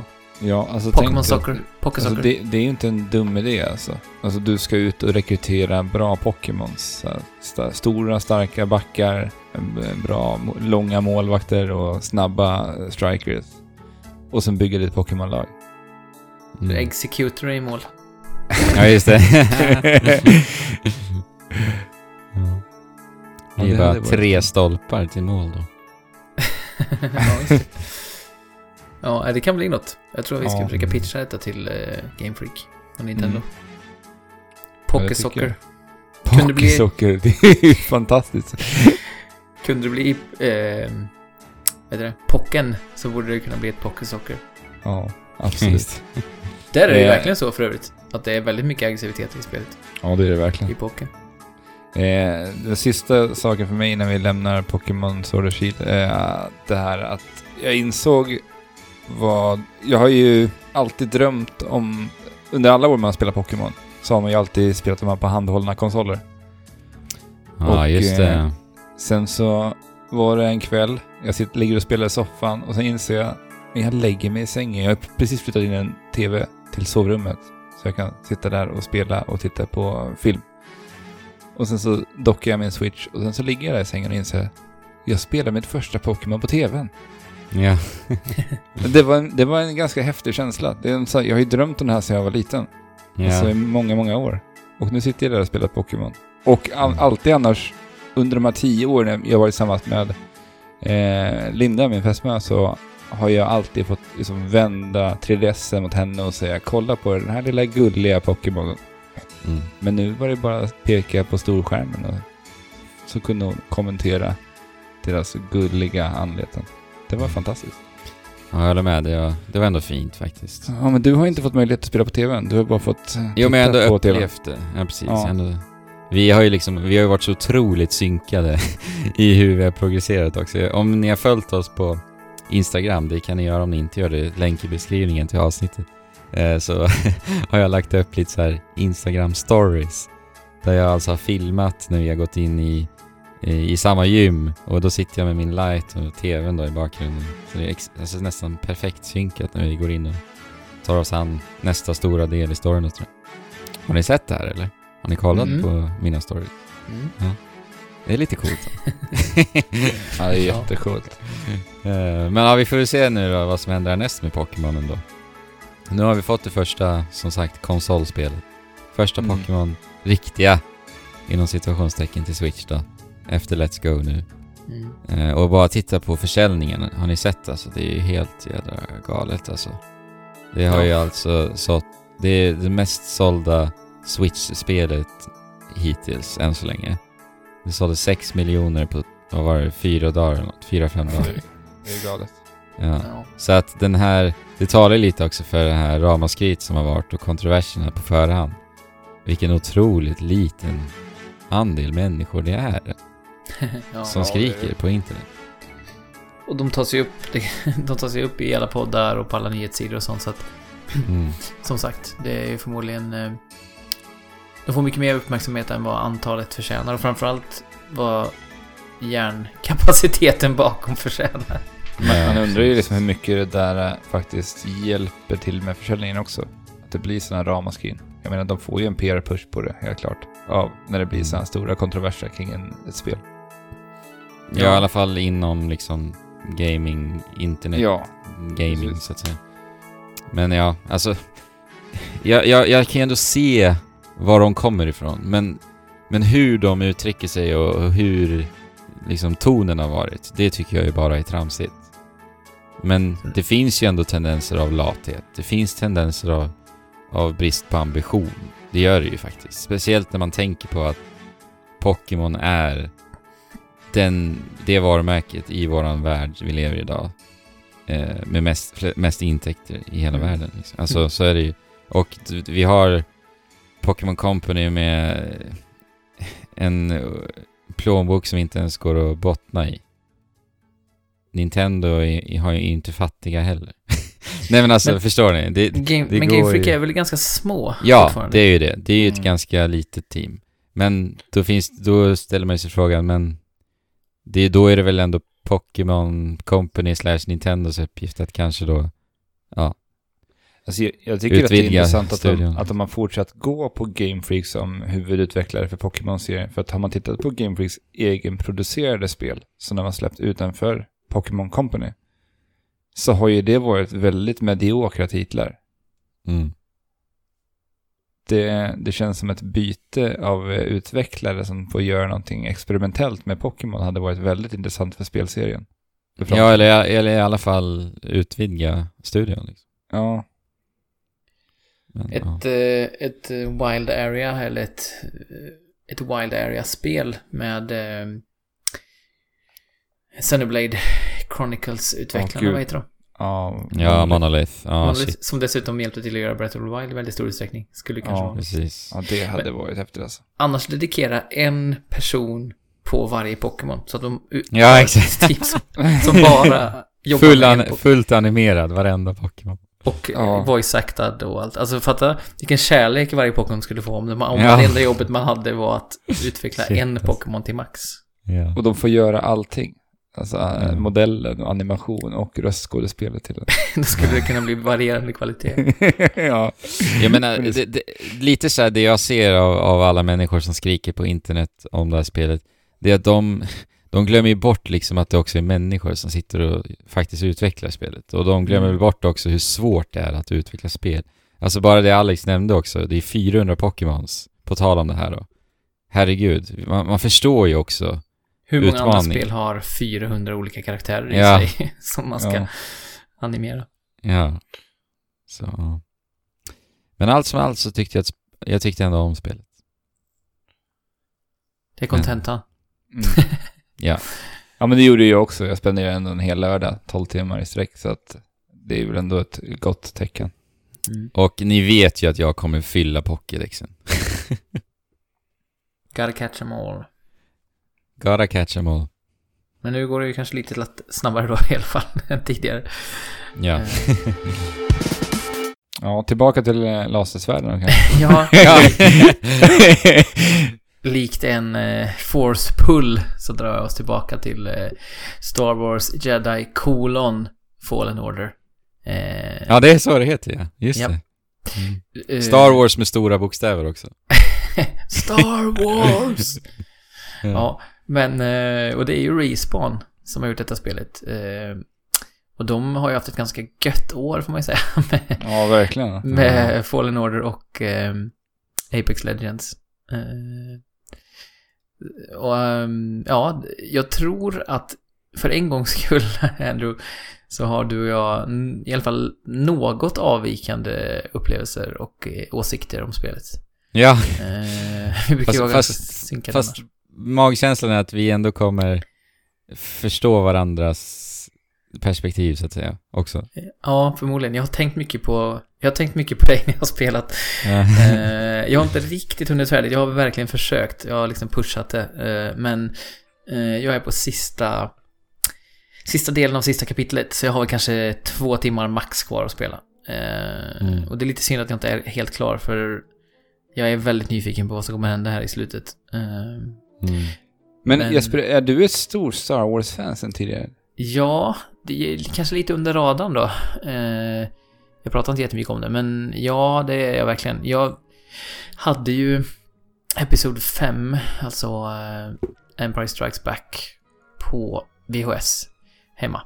När jag var liten. Och när jag var sjuk eller på andra sätt inte hade något att göra en dag så tittade jag på den filmen. så jag har säkert sett den 20 gånger eller någonting. Ehm, jag var väldigt, väldigt exalterad över prequels. Vi gick på bio här i Falköping, jag kommer ihåg. Vi gick ju i högstadiet då. Eh, köade på, på liksom eh, premiären. Och jag har ju sett alla de här nya filmerna. Jag fick ju se, fick ju se eh, Force Awakens eh, förhandsvisning tack vare att jag har lite recensent eh, känningar här och var. Så jag fick ju gå på, eh, eh, vad heter det? Mall of Scandinavia, eh, jag vill säga, jag vill säga Giganta, Gigantamax, vad heter den?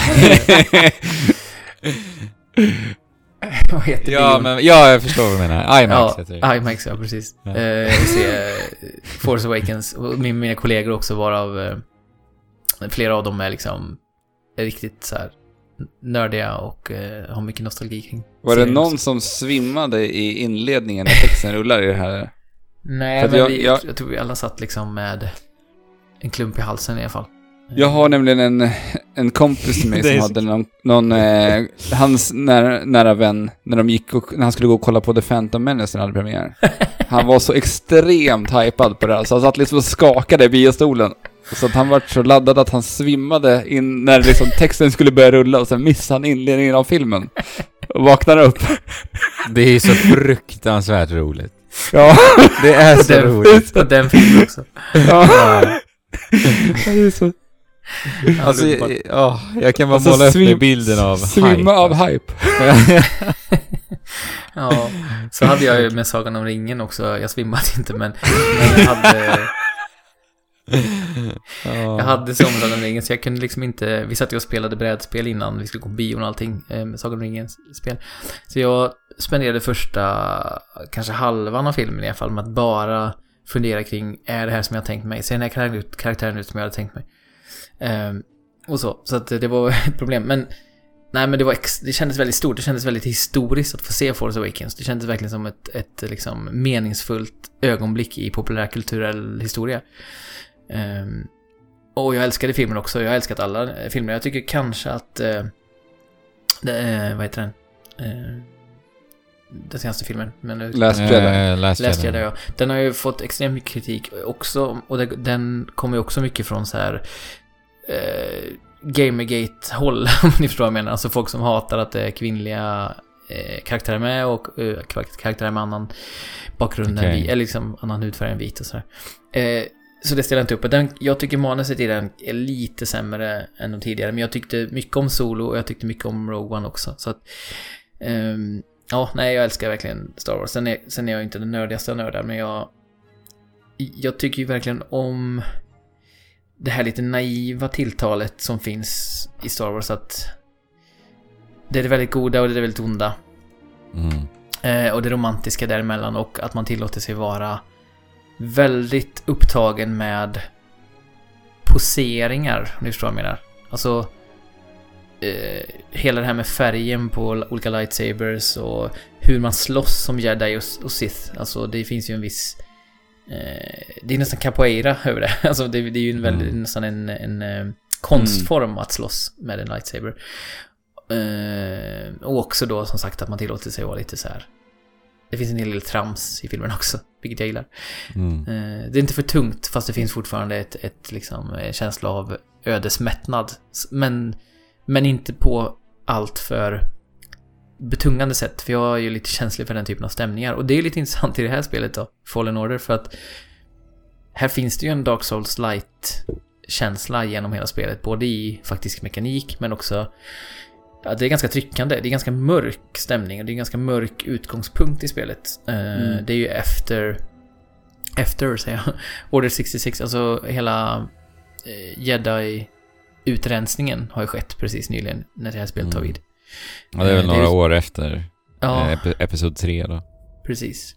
Ehm, och jag har ju faktiskt tyckt att det varit jobbigt att spela det här spelet av den anle- anledningen. Eh, jag är ju väldigt känslig som sagt för den typen av stämningar och den är ju närvarande hela tiden. Man är ju jagad, man är utsatt och det finns mycket så här mörka ryggsäckar som folk bär på med mycket ångest. Eh, sen är det ju verkligen inte liksom Bloodborne Dark Souls nivå på, eh, på mörkret. Men jag har faktiskt tyckt att det varit väldigt stressande och pressande att spela det här spelet. Ehm, men jag tror att det har liksom eh, vägt in i eh, väldigt positivt. För att det är den stämningen spelet vill att man ska känna. Och jag tror att människor med lite större motståndskraft mot den typen av stämningar inte riktigt... Det landar kanske inte på samma sätt som det gjort hos mig då. Mm. Ehm, Men vilken svårighetsgrad spelade du på? För det finns ju fyra att välja bland. Ja, det här har ju varit ett ämne som har diskuterats flitigt också, på tal om internet och mellan oss och så också. Jag inledde ju faktiskt på Grandmaster, alltså den högsta svårighetsgraden. Okej. Eh, Till och med men- högsta alltså. Ja. Bara för att jag kände just det här att nej, men nu vill jag faktiskt ta mig an det spelet riktigt ordentligt och eh, lära mig det. För att det är ju ofta så när man spelar på, på höga svårighetsgrader att man måste lära sig så som spelet, eh, vad ska man säga, vill att man ska spela, tänkt att spela. Det är svårt att ta genvägar då. Eh, Mm. Om inte spelet i sig, medan Sekiro till exempel är ju ett sånt spel där man också måste tvingas lära sig för annars går det inte att komma ta sig vidare. Mm. Men problemet var att på första planeten så kan man hitta lite olika sidospår. Och jag gick in på ett sånt direkt. Fightades mot en stor groda. Eh, som du kanske vet vilken jag menar. En giftgroda. Ja, den heter något Obdogbongodoru, Ja, typ. Ogdo Bogdo tror jag den heter. Okej. Eh, Som eh, ja, förde tanken till Crash av någon anledning. Ja, faktiskt. Det låter som en ljudeffekt som någon skulle kunna säga i Crash. Ja. Ogdo Bogdo. Men eh, jag får också lite sån här eh, smått maniska drag ibland i spel. När jag vill klara av en svår utmaning. Och då satt jag fast på den här Ogdo Bogdo i en timme och en kvart.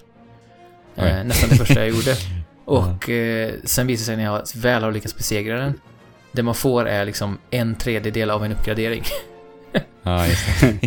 Som i sig inte är speciellt stor heller, själva uppgraderingen. Så att Mm. Då kände jag att jag kommer att dö på det här spelet om jag inte sänker svårighetsgraden lite grann i alla fall. Så då sänkte jag det till eh, Jedi Master. Så tre av fyra i alla fall i svårighetsgrad. Och det har jag Mm. kört på nu fram tills idag när jag blev lite stressad och ville pusha sista, sista, sista delen av spelet. Då sänkte jag det till eh, Jedi Knight, Jedi Knight heter det väl. Så det är väl andra Mm, det är det, svårighetsgrad. va? mm.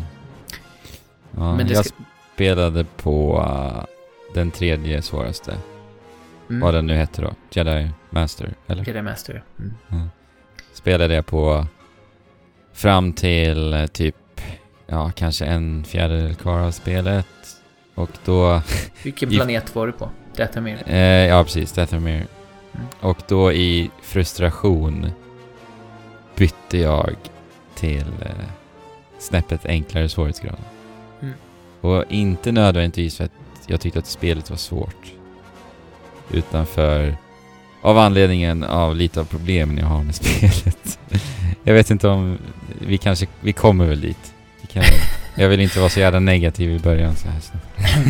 Nej. Nej men det är lite intressant som sagt. Det här, man ser ju det här spelet eh, massa influenser från andra spel. Uncharted är ju lätt att se liksom. Eh, storydrivet, eh, lite så här enklare miljöpussel, man klättrar en hel del.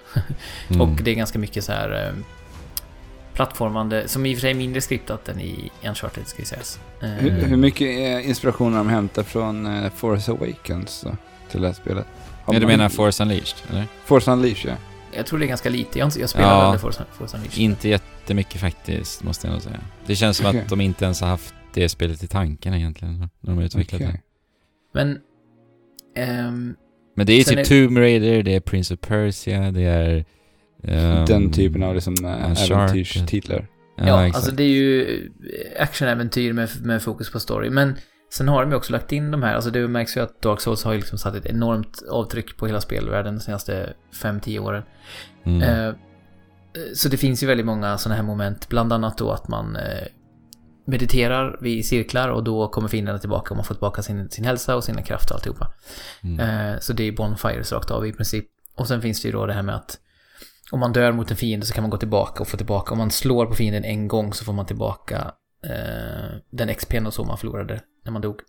Mm. eh, Okej, de har till och med den grejen att du förlorar XP. Mm. Ja, men det är väldigt mycket mer... Eh, f- förlåt det här spelet, för att du erhåller XP och när du når, när hela den här XP-mätaren har eh, blivit eh, helt Gått ett varv liksom. Ja, då erhåller du liksom en skill point. Jaha, okej. Och Så, Erhåller, så att det enda som försvinner vid död är egentligen bara hur, hur långt du har kommit på XP-mätaren. Inte Okej. själva skillpointen, så att säga. så det är inte så mycket hårt straffad man blir då? Nej, Nej. egentligen inte. Och, och så, samma sak är ju med... ehm, eh, vad skulle jag säga? Eh, jo, eh, själva fighting-systemet är ju också så att, eh, lite som i Sekiro, att det finns en väldigt tydlig stamina-mätare på dig och motståndare som du kan se Mm. hela tiden. Och när du bryter den så eh, kan du göra skada. Eh, men det är också Ja. sådär... Eh, någonting man bara behöver bry sig om om man spelar på svårare svårighetsgrader egentligen. Annars kan man i princip ja, dodga lite och sen slå järnet på motståndaren. Men Mm. men det, det är ändå en viktig del i, i fightingen. Men det känns ju överlag som att de har tänkt så här.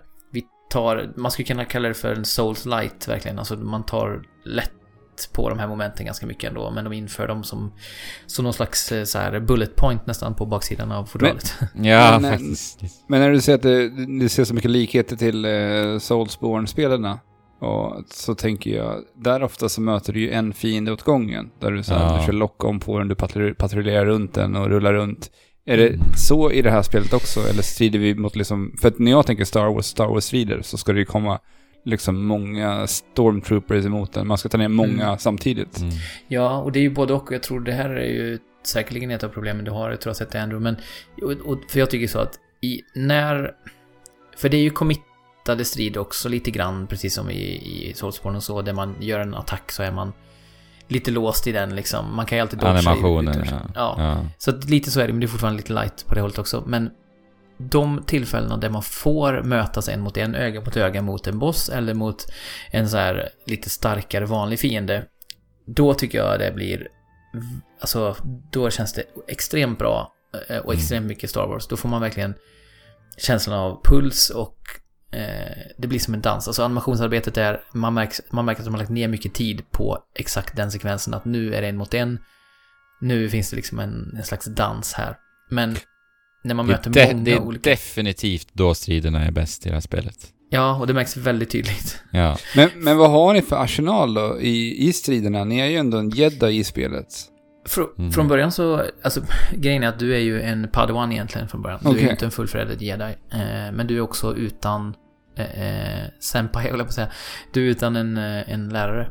Ehm, och det innebär att du har ju en del krafter, men de har du tappat bort. De, du har ett trauma bakom dig som gjort att du har typ tappat dina force powers. Eh, och det tycker jag de gör på alltså det är inte på så här, åh du fick minnesförlust. Så det, det är inte på det tröttsamma sättet. Jag tycker de eh, hanterar det ganska bra. Det är ganska trovärdigt att det är liksom traumat som har gjort att... absolut. Snyggt, snyggt invävt ändå i Stängt undan. narrativet. Ja, precis. Och, och sen låser man upp eh, de krafterna allt eftersom. Men man har ju bara sin lightsaber. Man har ju ingen blaster och ingen, inga granater och ingenting sånt som man kan kasta. Utan det är ju din, din lightsaber. Sen uh, i skill, det finns ju ett helt fullfjädrat skill tree. Mm. Eh, där du då, ja men ganska likt Sekiro också. Det finns en del förmågor, eller ganska många förmågor där du låser upp som du sen då kan utöka din, ditt rörelsemönster med. Men det är inte sådär... Eh, återigen, det är inte så mycket distansattacker och så, utan det finns, du kan kasta din lightsaber om du, fast det är ganska högt upp i trädet. Eh, Så Mm. att det är väldigt mycket fortfarande att du använder din lightsaber på olika sätt och kanske lägger till små nyanser. Att ja, men om du pausar emellan andra, första och andra slaget så kan du slå lite kraftfullare andra gången och sådär. Så att jag tycker ändå inte att det är så här. Man blir ju ingen flygande superhjälte till slut, riktigt. Nej. Eh, Nej. Så eh, det gillar jag också, att det är ganska avskalat. Att det är verkligen så här, det är du och din lightsaber. Och emellanåt så är du utan din lightsaber också, utan att spoila för mycket. Men. Eh. Ja, för att alltså när, när det är många fiender som, som, som attackerar dig, du blir överrumplad av ett gäng, då blir det här stridssystemet direkt ganska tråkigt helt ärligt. Alltså särskilt när du spelar på, på lite svårare svårighetsgrader. För att, alltså ett problem jag har med striderna överlag, alltså det är att jag tycker att det känns inte riktigt som att spelet har hittat liksom en, en riktig identitet i vad det vill vara i striderna. Om du förstår vad jag menar Jesper. Nej, men precis. Alltså, som sagt, det skulle nästan varit helt och hållet fokus på strider Ja. mot en. För då Ja. hade det blivit eh, genomgående riktigt bra. Jag tycker liksom designen känns lite förvirrad liksom. Alltså, för att jag sänkte ju alltså svårighetsgraden av den anledningen att jag in, helt enkelt inte hade kul med spelet. Och jag tänkte så här, för mig, eh, jedi för mig är mera som i The Force Unleashed, vilket jag tycker är det roligaste Star Wars-spelet jag har spelat. Eh, ganska, jag minns det som ett ganska mediokert spel, men jag minns hur otroligt roligt det var att bara få vara jedi i det spelet. Ja, den, den fångade ju känslan av att vara jedi väldigt bra. Ja. Alltså, Och och för mig är kraften väldigt mycket. Ja, och för mig är jedi en som liksom knappt behöver blinka och bara force eh, pullar bort en, eh, en fiende utan att blinka. Alltså förstår ni? Det är lite den typen Mm. av övermäktighet. Så här. Eh, och det, den känslan strider ju striderna emot lite. När det är så som Jesper nu har förklarat. Eh, så att jag tyckte spelet kändes lite roligare faktiskt. När jag sänkte svårighetsgraden. När jag liksom kunde vara den fantasin. Jag kunde Mm. få bygga den fantasin.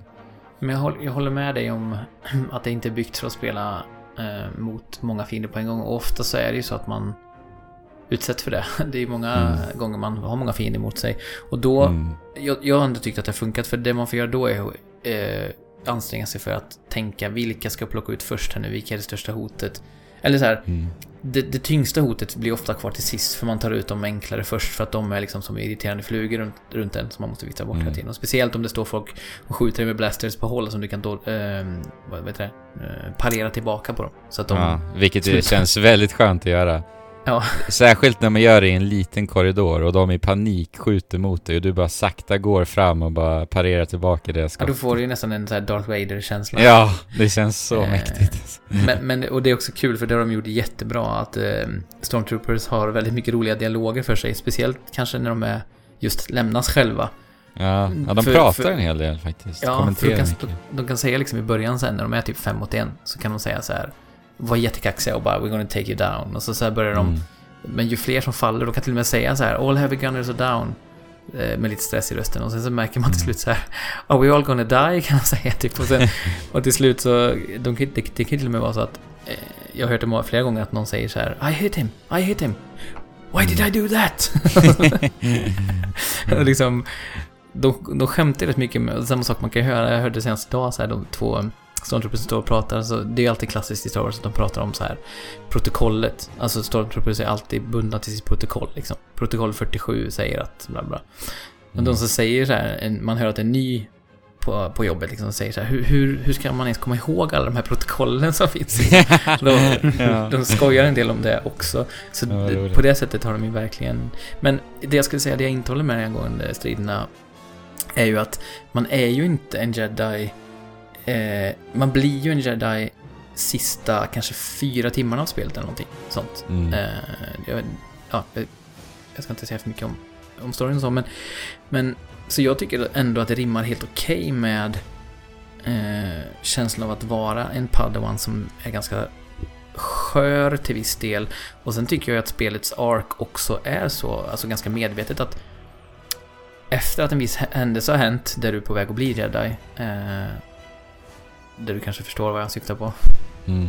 Eh, då ändrar ju musiken karaktär resten av den banan. Och jag tror till och med att de sänker svårighetsgraderna i striderna lite.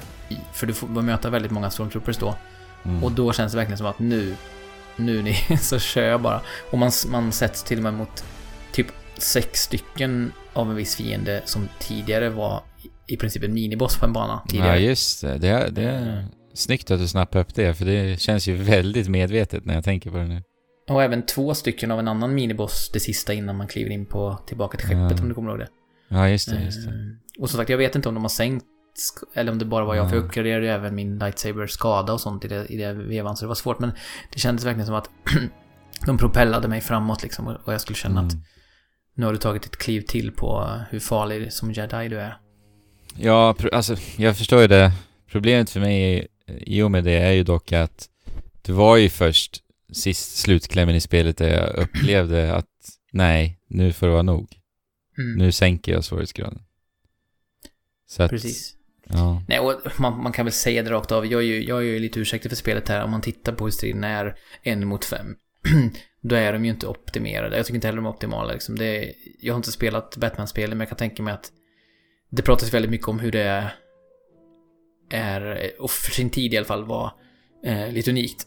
att det var väldigt flödande Mm. så, eh, i gängstrider. Eh, och de skulle behöva hitta något liknande. Eller som sagt, ännu mer fokusera på eh, strider en Mm. mot en. För att, eh, som sagt, bossfighterna kan vara rena fröjder att spela när det är just det så här. Mm. Man känner att det är en mot en och det gäller bara att hålla den som kommer, den som håller nerverna bäst av dig och eh, bossen kommer vinna. Det här känns det som. Men, men är Ja. det mycket fokus på de här striderna genom hela spelet eller? Eller hur mycket utforskande av den här världen finns det? Och hur ser liksom den designen ut? Är det ett linjärt spel? Har vi platser som, vi kan, som är mer öppna vi kan utforska? Eller hur ser det ut? Mm. Ja men Ja, det är men väl det- Där blir det ju, semilinjärt. ja, exakt. Det blir ju återigen... Lite Tomb Raider-stilen? Ja, tänk dig Tomb Raider blandat med ja, Dark Souls, Souls-spelen lite. Ja, okej. Men det är också väldigt banigt. Alltså du kan ju stå på en höjd och så ser du i horisonten hur eh, saker rör sig fram och tillbaka. Som om du hade stått liksom i ett Megaman-spel eller ett, eh, ett Mm. Mario-spel. Alltså det, det känns väldigt speligt i vissa aspekter. Men, och det, det tycker jag också ibland krockar lite med den filmiska känslan som resten av spelet eh, har. För jag tycker att det bästa av allting med det här spelet, och jag tycker ju mycket om det generellt, men det bästa av spelet är verkligen hur mycket det känns som en, ja men, en Star Wars-episod. Såklart en liten avskärmad del, men det skulle kunna vara en av de här solo uh, Rogue One-filmerna är med, med såklart mindre budget än så, men Och du Men- tycker att eh, storyn håller lika hög kvalitet? Alltså? Alltså, det är ju lite banalt på sina ställen, men det är ju Star Wars. Men om man tittar på karaktär, alltså karaktärers design, röstskådespeleri eh, och inte minst, som jag tror vi håller med varandra, eh, Andrew, eh, sidekicken, alltså din robot-sidekick som heter BD-1. Eh, Ja, så Jag vet- söt alltså. Jag vet inte om du har tänkt på det, ord, ordvitsen där, men BD-1. Eh, Ja, just det. Eh, lite som 2B i, eh, vad heter det? Nier Automata. Men eh, är ju extremt bra. Alltså R2D2-nivå på, på BD1. Extremt bra designad. Eh, Ja, verkligen. får- Animationerna är otroligt snygga på roboten också.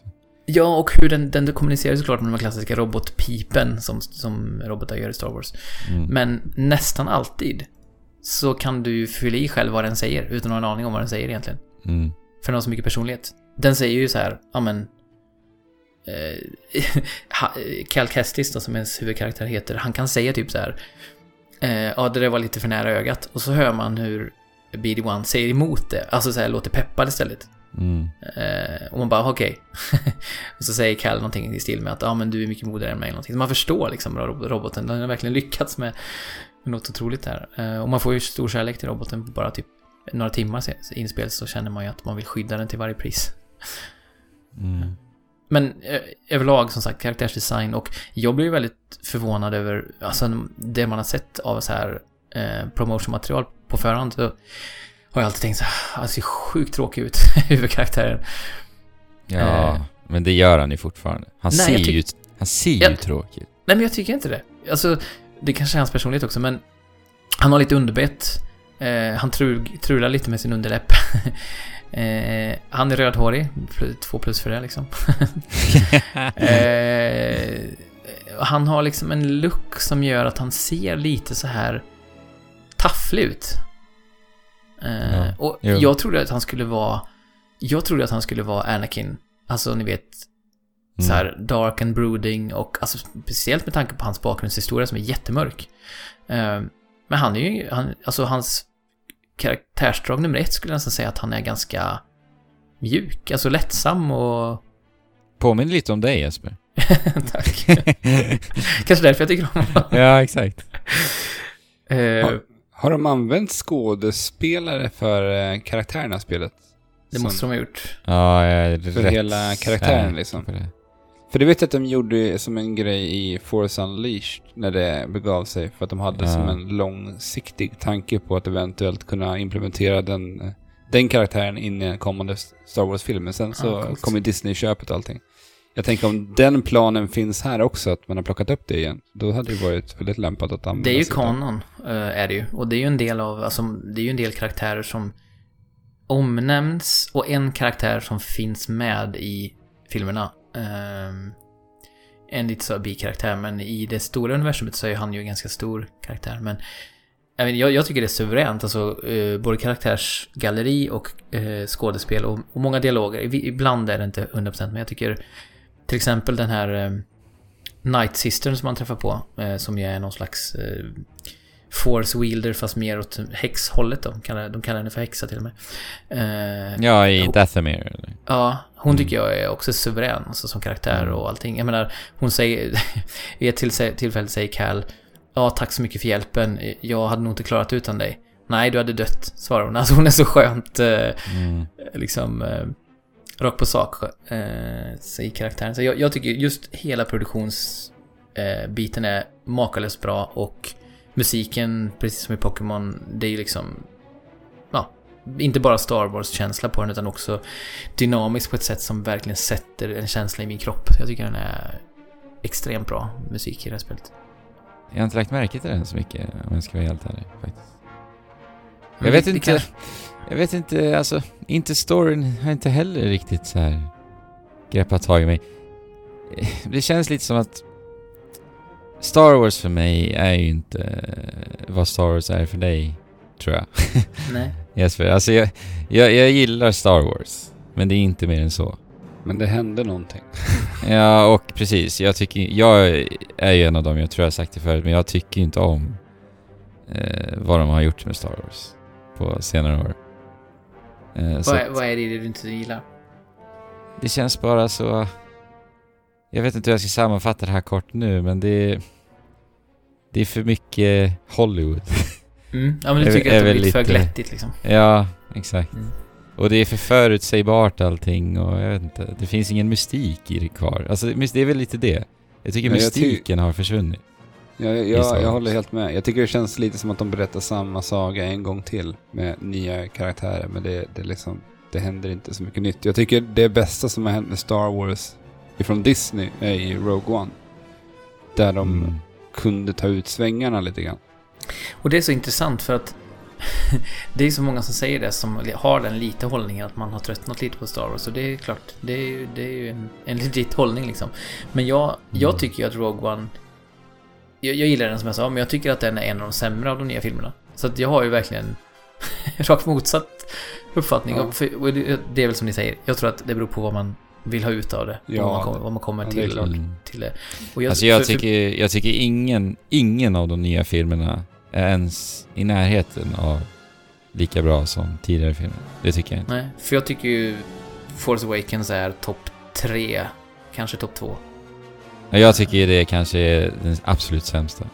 Ja, och det har jag hört också Ja. många som säger. Men jag tycker de nya karaktärerna, och det är väl det som är grejen. Alltså, Mm. samma sak i, i Fallen Order. Att jag håller med om att själva storyn i sig, den har ju berättats tusen gånger i olika sammanhang, inte bara Star Wars-sammanhang. Men Mm. jag tycker, eh, nummer ett, karaktärerna och hur de interagerar med varandra. Och jag, jag tycker om karaktärerna väldigt mycket.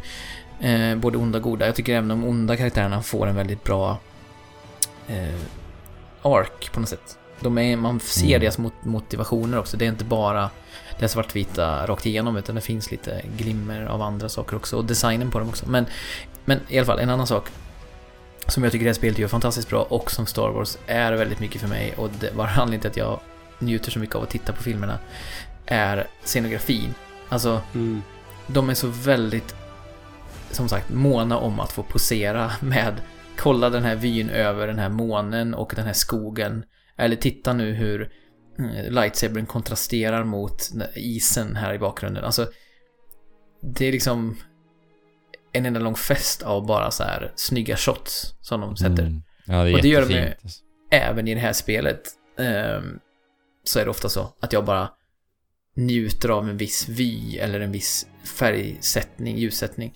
Ehm, Mm. Det har hänt många gånger att jag bara... Och sen, alltså även i det här spelet så jobbar de ju mycket med så här den här eh, aspekten som finns i både de gamla och nya filmerna av att karaktärerna eh, i princip hallucinerar. De upplever någonting via sin force som inte finns där riktigt. Som man vet att det är inte på riktigt, fast det är fortfarande väldigt... Som när Luke går in i den här eh, grottan i Dagobah, ni vet den här... Eh, där eh, Yoda säger till honom att han ska liksom... Du kommer... Du kommer vara... Du ska vara rädd liksom för att gå in här. Och så får han se Vader och sådär. Eh, den grejen jobbar de ju med väldigt visuellt många gånger i det här spelet. Med dörrar som stängs och korridorer som sträcks ut framför en helt plötsligt och ljudet förändras väldigt hastigt och Nej men så den scenografin tycker jag de gör extremt bra och det är någonting som jag verkligen vill få ut av Star Wars generellt. Så jag tror att jag, jag värderar den mycket högre. Mm. Ja, jag begär ju ingenting av Star Wars i och med att jag, jag är ju inte ett Jag skulle ju inte kalla mig ett Star Wars-fan. Jag är bara, jag tycker, jag, jag tycker om Star Wars, punkt slut.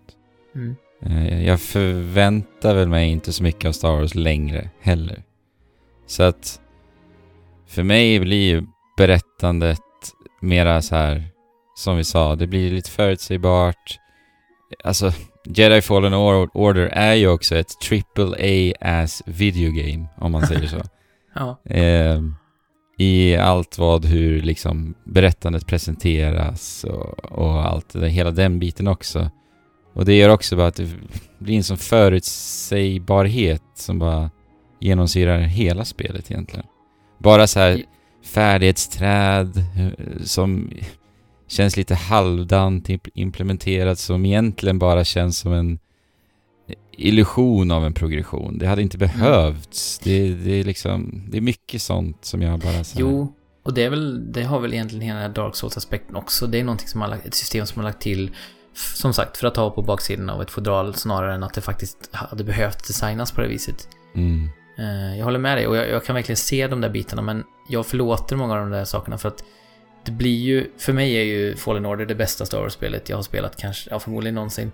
Mm. Eh, och det är ju så mycket för att man känner att det ger en känslan av hur det är att befinna sig i det här universumet på riktigt på något vis. mm. Eh, Så du tycker att eh, spelet bidrar väldigt mycket till berättelsen av det här spelet? Det hade inte liksom funkat att få Jedi Fallen Order i filmform och du hade haft samma känslor utan... Mm, väldigt bra fråga. Alltså, många av de speliga aspekterna är ju medelbra liksom. Mm. Eh, Så det är ju faktiskt en väldigt intressant fråga. Men... eh, Ja, för att alltså- grejen är ju att jag har ju inte Star Wars som fan att falla tillbaka på när jag spelar det här spelet. Det är väl lite det som är skillnaden. När vi spelar alltså, Jesper. Ja, jag tror det. Men jag vet inte, jag, jag likställer det här ganska mycket med Spiderman ändå. För att... Ja, faktiskt. Det känns, ja, verkligen så. Jag får väldigt mycket samma känslor också faktiskt ändå. Det är väl samma sak där, att färdigsträdet eller uppgraderingarna behövdes egentligen kanske inte alls. Man använde inte hälften av dem ens. Ehm, och striderna var ganska öppen värld som inte användes på ett särskilt nytänkande eller spännande vis. Nej, men jag tyckte ju ändå att Spiderman var ett fantastiskt spel, ett av de allra bästa förra året. Mm. Eh, och det var ju också mycket för att man fick uppleva hur det var att vara- att, Peter Parker och Spiderman. Eh, Mm. och, och strida mot liksom legendariska eh, villains. Så att, Mm. Men- mm, nej men det är väl så. Alltså det, det är ett spel vars spelighet är rätt så medioker, eller liksom medelbra typ. Eh, Mm. men där Star Wars-elementen, tycker jag i alla fall, är på topp. Och då, som sagt, Mm. om man inte värderar dem så högt, då förstår jag att man inte har njutit så mycket av spelet som jag ändå har gjort. Nej.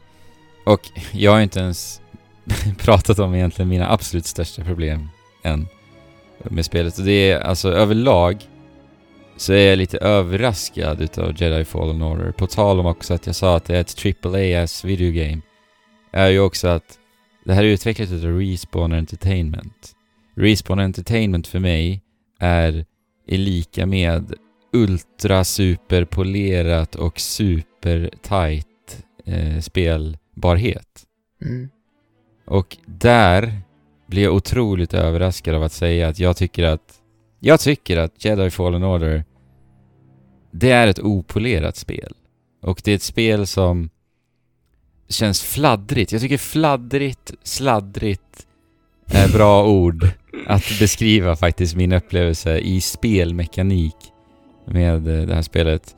Det har otroligt märklig respons i sin kontroll. Eh, bara i strider så känns det otroligt inkonsekvent i liksom så här träffområden på fiendernas attacker. Det finns ingen liksom tydlighet i när du blockar, när du blir träffad. Alltså, som sagt, opolerat. Det finns så mycket detaljer som i sig inte är så mycket. Men liksom den här listan av, av eh, saker och ting i liksom hur, hur pass svarvat spelet är som bara blir större och större och större och större ju mer jag spelar spelet. Kulminerar liksom till en, en otroligt svajig upplevelse som jag som sagt blir väldigt överraskad över när vi pratar om också- respawn. Ja, det, det är väl också saker som att eh, texturer smälter in väldigt ofta. Alltså de, man ser att de, de finns inte, de är liksom inte Nej, färdigbakade när du kommer in på en eh, yta och sen så läggs de på sakta men säkert. precis. Eh, jag spelar på PS4, jag tror att, ja det har vi båda gjort ju. Ja, exakt. Eh, Och jag spelar på PS4 Pro ska sägas också. Ja, just upple upplevde du det då, Andrew? Du som spelar på en Pro? Ja, exakt Så. samma sak. Och Ja, det gjorde det. Nu, nu har jag pratat om bara överlag responsen på poleringsgraden. Men på det så är det också som Jesper säger otroligt buggigt. För det där är väl lite utav buggar eh, som jag upplevt också i och med det som du berättade om Jesper. För att jag har upplevt också att, att hela delar av geometrin i omgivningen bara är borta. Och sen så går Cal Kestis på ingenting i luften. Och sen tar det liksom 5-10 sekunder innan allting renderas in. Och det är bossar som har fastnat i sin T-pose och sen när de initierar en attack så försvinner de ur sin T-pose för att sedan återvända till sin T-pose och så svävar de Alltså, omkring. alltså det, det var ändå länge sedan man såg en Ja. T-pose-bugg alltså. Och det är, det är fiender som statiskt, fly, statiskt flyger omkring, de teleporteras till höger och vänster och bara så här följsamheten också i när du klättrar. Vi pratade om att det är lite uncharted-esk eh, plattformsmoment i spelet. Känns också Mm. så här jätteinkonsekvent. Emellanåt så bara, men herregud varför tar, greppar du inte tag där? Alltså programmeringen känns opolerad i Mm. liksom klättringsmomenten. Men det skulle Mm. vara jätteintressant att få reda på hur budgeten har varit för utvecklingen och hur stor teamet har varit. För att en av styrkorna med spelet tycker jag också att det är ganska fokuserat. eh, Alltså det finns ju inte så många planeter att besöka till exempel. Nej, fem stycken någonting. Ja, och sen återvänder man ju till dem några gånger. Eller Mm. gånger. Men, så jag får känslan av att det är ganska... Alltså, man får inte det här eh, AAA-känslan som i till exempel Spider-Man, att det, spelet är så oändligt stort, utan det känns mer som att vi har gjort ett, ett Star Wars-äventyr hyfsat sammansatt liksom. Så att, Mm. Och- Och, just och att det- det, blir en styrd upplevelse på ett annat sätt också. Det är ju ändå... Visst, det finns sidostickor, men det är ändå en sån här linjär eh, huvudprogression ändå, om man säger så. ja, och det tycker jag är skönt, men som sagt, man märker ju också på de här buggarna och, och liksom tekniska bekymren att det känns lite som att eh, skon har varit för stor att fylla. Sen om det är för att ambitionen har varit för höga eller studien har varit för liten, jag vet inte, men det känns lite som att Eller det inte EA är... som säger nu ska vi släppa spelet. här." Jo, så, så är det ju. Och det är ju i, i Star Wars-tiden nu med Mandalorian och filmen och alltihopa, så det är väl förmodligen det. För att jag menar, Ja. hade de haft tre fyra månader till på att jobba bara på att optimera spelet och polera liksom och sådär. Mm. Jag vet inte om det är en rimlig tids, tidsperiod att göra det, men, men om det skulle vara så att man fick mer tid så skulle ju säkerligen nästan alla de här grejerna lösas Mm. så att säga enkelt. Och då menar jag inte enkelt som att folk inte skulle behöva jobba stenhårt för det, men jag menar det skulle säkert inte vara svårt för dem att förstå hur de skulle göra för att lösa de här Nej. problemen. Precis. Eh, Utan det handlar om tid och resurser, förmodligen. Ja, för jag, jag tycker att spelet känns lite ofärdigt alltså. Eh, det och- känns som att man har tagit ut bullar ur ugnen liksom några minuter före de ska tas ut. Ja, verkligen så. Och det har ju... Allt det här jag har upplevt, jag hade lite diskussion på Twitter med andra människor som har spelat det här spelet och de hade berättat att de inte har upplevt någonting av de här typen av buggarna. Men alltså, jag kunde inte tappa Alltså jag tappade räkningen till slut. Alltså det hände hela tiden för mig. Genom hela För- spelet För liksom. jag har inte heller alls haft lika mycket av de där grejerna. Sen Nej. kanske man också börjar titta efter dem ännu mer när man När man blir frustrerad frustrerad på dem. Ja, exakt. Eh, Men Precis. nej, jag, jag har inte alls... Jag, det har varit någon gång i slutet nu på spelet som... Man har ju två... Man kan ju ha en dubbel light- lightsaber också. Eh, Mm. En av delarna fastnade i typ axeln och så jag gick runt med en i handen och en i axeln. Ja. Så det var väl en sån där sak. Men i övrigt har jag inte haft så mycket. Men jag, alltså som sagt, det är ju onekligen så att det inte... Och de kommer ju patcha så, så, såklart. Men, Mm. men det, mm, det känns som att det släpps, som sagt, i ett läge när de egentligen kanske inte hade velat släppa det. Ja, och då liksom om man återgår till striderna med allt vad jag har sagt nu med responsen och allting. Så hade de, säg att det finns en, en framtid där de hade fixat allt det här, så kvarstår jag ändå i att jag tycker i sin stridsdesign så är det ju fortfarande något förvirrat. Jag tycker att det känns lite ofokuserat som sagt. Och jag tänker ju, Star Wars Jedi Fallen Order automatiskt ställer ju sig bredvid liksom Sekiro, Dark Souls, Neo, eh, Devil May Cry etc. Eh, i sin liksom stridsmekanik. Det är ändå de Mm. spelen jag får jämföra med såklart, för det är ändå den typen av spel där det här spelet går mot. Och tittar man på de spelen, så här, vad, vad som gör de typen av striderna så bra är ju att de alla, det de har gemensamt är att alla strider har hittat liksom ett fokus som de centrerar liksom all mekanik kring. Och kollar man i Nio så har vi Keypull-systemet, Bayonetta har Witch Time-systemet, eh, Sekiro har ju Posture-systemet, Dark Souls har sin stamina-mätare, ja men ni förstår lite vad jag menar liksom. Mm. I, i Jedi Fallen Order så, så har jag svårt att hitta vad det är. Mm. Och det är där jag också då som sagt känner att det känns förvirrat. Och då återgår vi också till det jag sa inledningsvis om att- här att jag kände att jag ville sänka svårighetsgraden för att få en helt annan typ av upplevelse men med samma stridsmekanik liksom. Så att ja, det, det känns liksom... Vad vill ni? Ja. Men precis, jag har några önskningar också inför en uppföljare som definitivt kommer att komma. Det tror jag definitivt för eh, det har ju fått väldigt bra mottagande och jag har inte sett några Mm. försäljningssiffror men jag antar att det kommer sälja väldigt bra för det är ju massiv reklamkampanj för det också. Ja, det är ju Eh. en massiv Star Wars-hype som är igång också. Ja, exakt. med Så Mandalorian och nya Star Wars som kommer. det kommer säkert bli en uppföljare och då skulle jag vilja, det som du säger Andrew, tajta till sidorna på något vis, hitta, hitta en väg att gå och, och köra järnet på den, fokusera på den grejen ni vill göra. Ehm, För man skulle väl kunna egentligen säga att... Eller det naturliga känns ju eh, centrerade kring The Force. Och det är väl typ det de gör. Men det är också så här, varför kopplar de hårda slag till att dränera Force-mätaren? För vi har ju alltså en Force-mätare som dräneras när du använder Force-attacker såklart då. Men också Mm. hårda slag, vilket är en ganska central del i stridsmekanik. Jag blev ofta blåst av stolen där jag liksom intuitivt ville bara göra ett hårt slag. Men sen var, jaha, det var visst en del av force-mätaren. Alltså det känns bara så här. forcerat. ja, exakt. Eh, Ja, nej men som sagt, alltså systemet kan definitivt eh, bli, ja, om det nu är tyngre eller vad det än är, men, men gå, en, gå en väg och kör på det. Sen tycker jag, jag tycker inte det är något problem att man återvänder till planeten egentligen, för man får genvägar och det, det är inte så här att man backtrackar en massa, men, men jag tycker ändå så här, om man Men hade öppnar, mer... de upp, öppnar de upp världar så det känns nytt och fräscht när du kommer tillbaka till de här äh, planeterna man varit på? Ja, det öppnar upp nya ytor i alla fall du kan ta dig till genom dina så här. Det är ju lite Metroid-aktigt att du låser upp olika krafter du kan röra dig med, som sagt, genom att han låser upp dina gamla jedi-krafter då. Men jag skulle vilja ha fler, alltså, för det som är kul är ju så här, åh, nu kommer jag till en häftig ny miljö och jag får uppleva den. Och jag tycker man uppehåller sig för länge på varje ställe också. Jag blev, blev ganska stressad efter ett tag. Jag bara, nu vill jag bara vidare, jag blev otålig fort. Eller inte fort, men jag blev otålig liksom ungefär. Man spenderar nästan ett par timmar på varje plats. Ehm, I första skedet, och jag tycker det är lite för länge. Jag, skulle vilja halvera den tiden.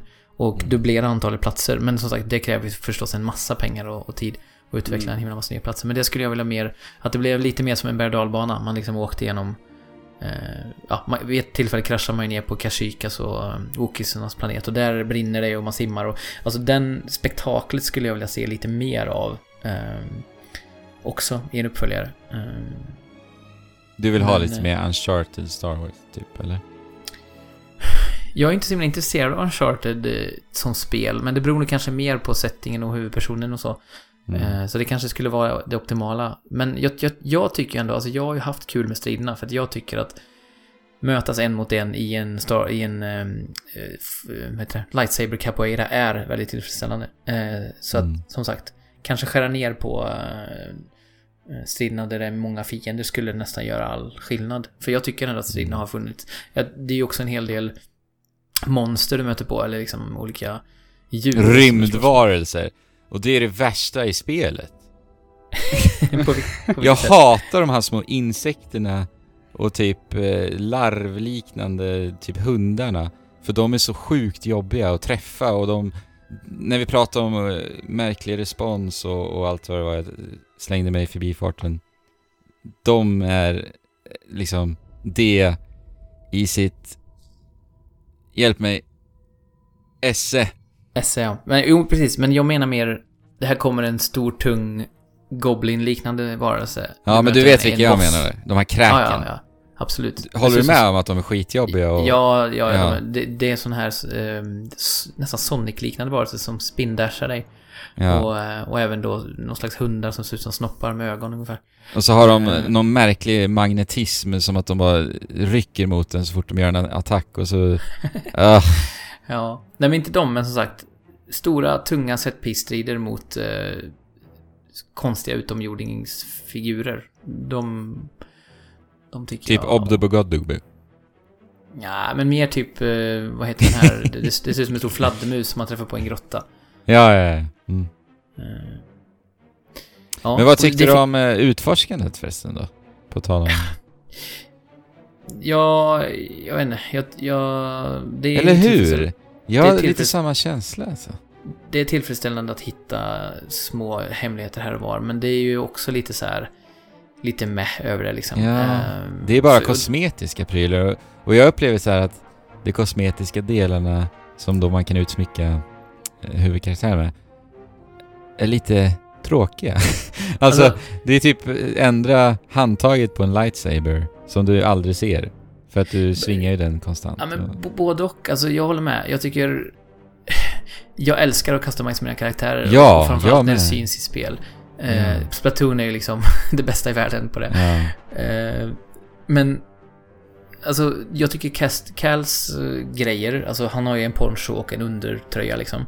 De är skittråkigt designade, nästan alla.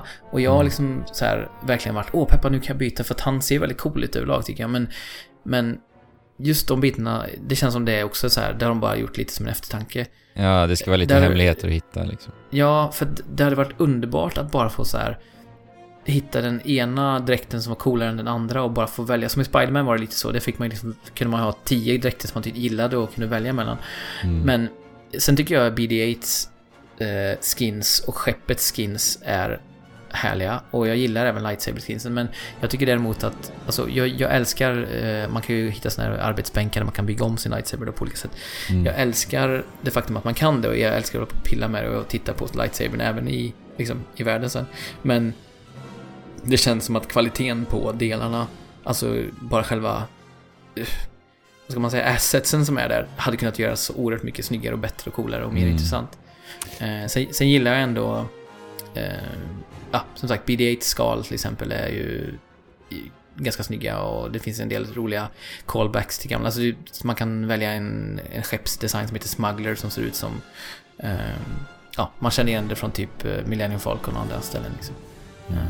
Så det Ja, alltså utforskande dog ändå rätt, relativt fort för mig. Alltså inledningsvis så, så fann jag ändå ett nöje i det och jag tog mig an att göra det väldigt, väldigt mycket. Men sen insåg jag att det mesta handlade ju om att hitta de här kistorna där det innehållandes då kosmetiska prylar. Mm. Och liksom, då kan vi tänka sig, ja men det är väl ändå resan som kan vara målet då, men jag upplevde heller inte att det var riktigt belönande liksom landmärken. Alltså det, det, allting känns väldigt så här plottrigt på något vis i sin level design. Alltså det är bara det var lite mycket utav samma, samma saker typ. Det var väldigt mycket så här, ta upp eh, kartan. Ja, här finns det en väg med en återvändsgränd och den andra verkar leda framåt. Jag tar återvändsgränden först, där hittar jag Ja. kistan Precis. och sen går jag vidare. Men Det är ingen upptäckarlusta liksom riktigt i Nej. utforskandet så. det finns några sådana platser. Till exempel på den här isplaneten så finns det en sån plats som är inte obligatorisk, där man verkligen får en, en så här en vy där man känner, det jag kände i alla fall, att man blev lite så här man blev lite Mm. andlös. För det hade dessutom varit en storm där tidigare och den hade då lättat så man fick mycket längre synfält. Men, Men, det, men det, det spelar ju liksom inte på den här Metroid-delen att att eh, memorera i din mentala karta och återkom senare. Alltså den typen av eh, riktigt bra level design ser jag ju inte riktigt. Nej, alltså det finns ju de momenten. Man kan ju till och med titta på kartan och se att ja, men här, nu har den här blivit grön, den som var röd Ja men det är det jag menar. Det är ju snarare så man, man utforskar. Att, Man bockar av nästan Ja, mer exakt. än vad man... Så att det, det är återigen, alltså jag tycker många av systemen som looten, som det här vi pratar om, själva liksom premissen, eller grunderna finns ju på plats. Men sen Mm. har man liksom inte fyllt den... Alltså om Nej. man tänker att det har varit ett möte där man skriver så här, okej, vi ska ha loot i spelet. Det ska vara eh, kläder och det ska vara lightsaber-delar och så här. Det låter skitbra tycker jag. Mm. Men sen är det liksom tomt i kolumnen under, eller åtminstone Ja, bara så här, lite placeholders nästan under där. Och, och man hade behövt kötta till det mycket mer och det hade ju krävt som sagt mycket tid och mycket resurser så att Ja. jag har ändå go- gott hopp om att de bitarna som jag känner som var liksom minus för mig kommer att, att rättas till till, eh, till uppföljaren. Men, ja, man får ju ändå men, hoppas att det kommer en uppföljare. Det, det, det gör ändå jag, absolut. För att jag kanske låtit, om en negativ, men jag tycker ändå att spelet var bra. Jag sätter en punkt där liksom. Det var ett bra Mm. punkt. Så. Mm. Absolut inget mer än så. Nej, vi kan konstatera att eh, Andrew är en Sith och jag är en Jedi. Det är väl det vi landar i här. Mm. Exakt. Eller tvärtom. Jag applåderar stor, eh, storföretagens eh, ansträngningar och du vill titta mer mot innehållet med berättandet och, och eh, eh, kontrollen. Så att det kanske är jag som är Sith, egentligen. Ja, precis. Det blir det. I, i det sammanhanget, Jesper. Ja.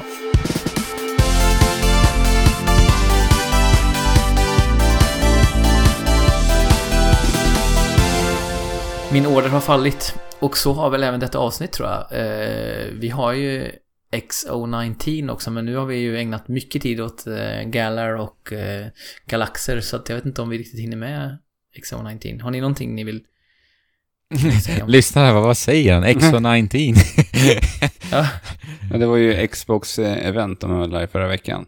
Ja. precis. Festival. XO19? Jag tror de kallade det för Xbox festival. Jag gick faktiskt in på Microsofts hemsida, på svenska hemsida idag. De hade alltså döpt det här till Häng med på en Xbox festival, X, XO19. Eh, de hade väl en liten presentation där. Jag kollade lite i efterhand vad som hade visats. Men det var väl en sån här Inside Xbox-sändning med eller? Har ni någon koll på det här? Jag har inte sett någonting. Det? Jag har bara hört om vad som har kommit Ja. ur det. Och det som sticker ut mest för mig är... För jag, jag kikar ju väldigt, väldigt mycket mot Xbox nu, nu för nästa generation. Får jag, får jag gissa vilket du reagerar på? Utav dem här? Ja, Everwild. ja, alltså det är ju ett Rare... Det var Ja. Rare-spelet va? Ja, exakt. Rares nya Eh, spel. Det, det var ju definitivt det som av spelen som såg mest intressant ut. Men det jag skulle säga var egentligen en tjänst faktiskt. En, en molntjänst hör häpna, hörde ni mig säga. Jag brukar inte vara så tech, tech-fokuserad. Men, men just när det gäller Xbox, alltså Game Pass är ju någonting oerhört lockande. Jag spelar ju en del av spelen på PC redan. Eh, men Xcloud ska ju få Game Pass-tillgång. Mm. Eh, och det innebär ju att man kommer kunna, ja men i teorin då, spela vilka spel som helst på vilken hårdvara som helst. Eh, och att det kan ingå i en prenumerationstjänst som är jätteprisvärd just nu. Eh, Som en konkurrent till Stadia då. ja, och. Stadia har vi hört nu i veckan. Alla intryck har varit liksom, Ja, väldigt ljumna. ja, och, och nästan iskalla i, i rätt många fall också. Mm. Ehm, Så, eh, ja. Nej, men det är vi inte Och sen så att det finns en transper, eh, förmodligen en första huvudkaraktär som är transperson, uttalad transperson i ett spel som kommer att släppas av eh, Ja, just det. Dot no, don, don't Nod. Don't Nod. Ja, exakt. Alltså det är studionamnet. Man vill ju säga Tu- Dot Nod, Tungvridare, ja Mm. verkligen. Det, men det är ju alltså utvecklarna Men de gör det ju ännu svårare med att de skriver ihop sitt namn också. Alltså att de Ja. inte har mellanrummet. ja. Och sen har de en ett eh, spegelvänt också, om jag inte minns fel. Ja, Så de förvirrar ju väldigt mycket i sin logo. Skulle kunna vara namn på en, en av varelserna i Jedi Fallen Order. Don't Nod, Mm. ja. Eller en Pokémon. det- Ja, eller en Pokémon. Just med det spelet Tell Me Why som det heter så är det ju lite, de har ju konsulterat eh, transrörelsen, eller hbtq-rörelsen, med transpersoner då. Men det är lite konstigt för de nämner ingenting om att de har personer som är trans som är utveckla, som är utvecklat spelet, vilket kanske hade varit det naturliga steget att ta då. Mm. Ehm, istället för att konsulta någon extern person. Ja, Men det där gillar man ju att säga alltså. Det måste man ju säga. Jag väntar ju på ett spel eh, där vi ser en huvudkaraktär med liksom kroppsliga avvikelser. Det skulle vara intressant. Mm. Det har vi ännu Precis. inte sett. Jag själv... jag, vad sa du? Nej, inte huvudkaraktärer. Det finns ju en del i till exempel Overwatch och så, men det är ju lite Ja, men det är det jag menar. Ja, precis. Men just ett huvudkaraktär. Mm. Jag lever ju med en eh, autoimmun sjukdom som heter vitiligo. Där jag har... eh, Du vill se ett spel om det? Ja, men det vore bara intressant bara. Kan inte en karaktär i ett spel bara få ha lite pigmentfläckar lite överallt? Mm. Absolut. Ja, nej men eh, mångfald, eh, det är liksom... Spelarna ser ut på olika sätt, så att varför ska alla spelkaraktärer se likadana ut? Ja, men precis. Det är ologiskt. Eh, mm. Är det någonting mer som du vill plocka upp från eh, Xbox-festivalen? Nej, det var väl egentligen... Everwild var väl eh, ändå så här största utannonseringen. Mm. Eh, fick Ja, inte var reda på ett fångar. skit liksom, men jag Nej. gillar ändå den grafiska utförandet. Ju- Ja, de gav ju bara en känsla egentligen av världen ja, i denna eh, som förenderade trailern som de visade upp. ja. Och Obsidian gör något slags... Eh, vad heter han som blir fångad på en ö av massa små bunden på en ö? Gulliver. Ja, Eh, Gulliver-spel. Eh, ja, Grounded. Obsidian, som sagt. har jag missat att kolla in faktiskt. Mm. Ja, det är, man är, man är li, en liten, liten person slash eh, varelse i en väldigt stor värld. Alltså, du blir krympt liksom. Eh, Okej. det- På något vis. Det- är väl insekter primärt som verkar vara hotet Ja. så att säga. Och just det, Obsidian, det är ju liksom Mm. stora rollspelstudion som... Men det ska tydligen vara ett litet team som har gjort det här lite på... eh, Som ett passion project. Så det verkar Ja, inte vara precis. stora hela Obsidian. Mm. Halo Reach kommer 3 december till PC. Jag har aldrig lanserats på eh, PC förut. Det är väl trevligt. Kommer Ja. bli en del av Master Chief Collection också. Ett av Ja, två Halo-spel jag spelat. Ah, okej. Jag älskade ju Halo Reach jätte, jättemycket. Jag, Slutet minns jag väldigt väl. Ja, precis. Förs in i Halo Combat Evolved där ju, eller hur? Vad sa du? Slutet i Halo Reach förs ju in i första Halo-spelet ju. Mm. Ja, men just spelmekaniken i slutet, hur de, hur de eh, eh, porträtterar hopplöshet tyckte jag var väldigt intressant. Mm. Ja, Eh, För sin, för sin tid framförallt. Hela det spelet har en väldigt intressant ton och atmosfär faktiskt.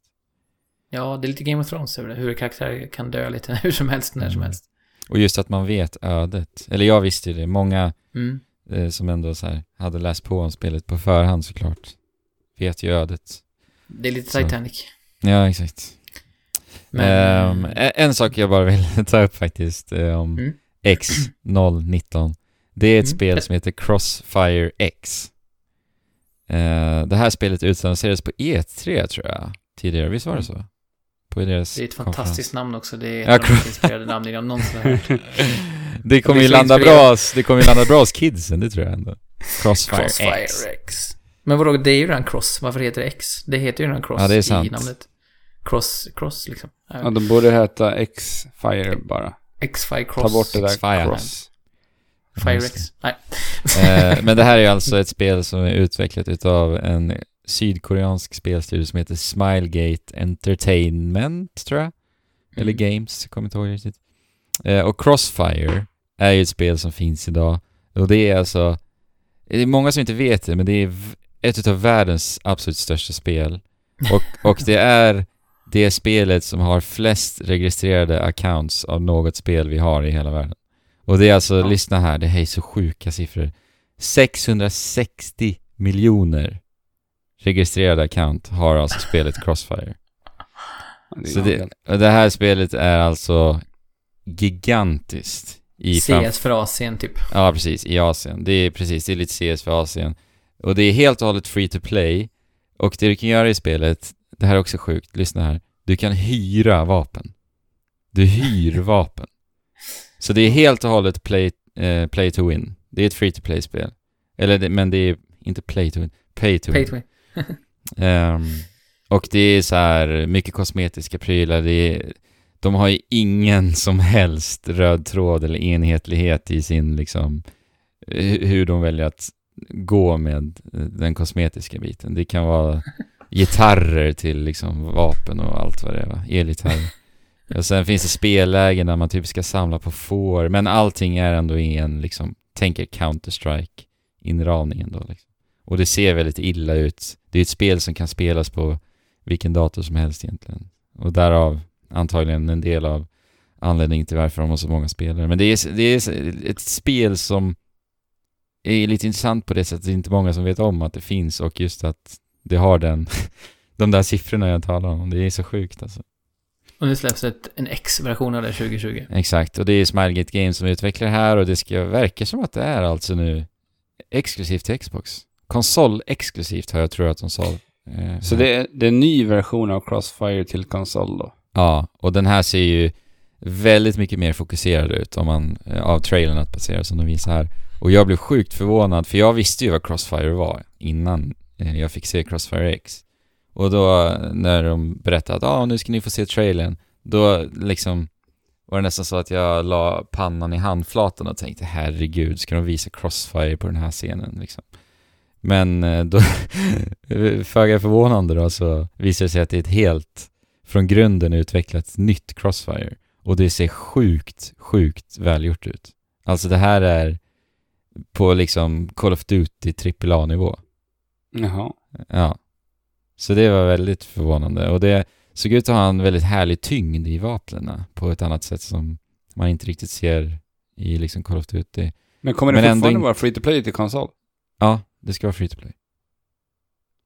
Eh, Så det ska ändå bli lite spännande att se och det kommer... Fortnite-utmanare kanske.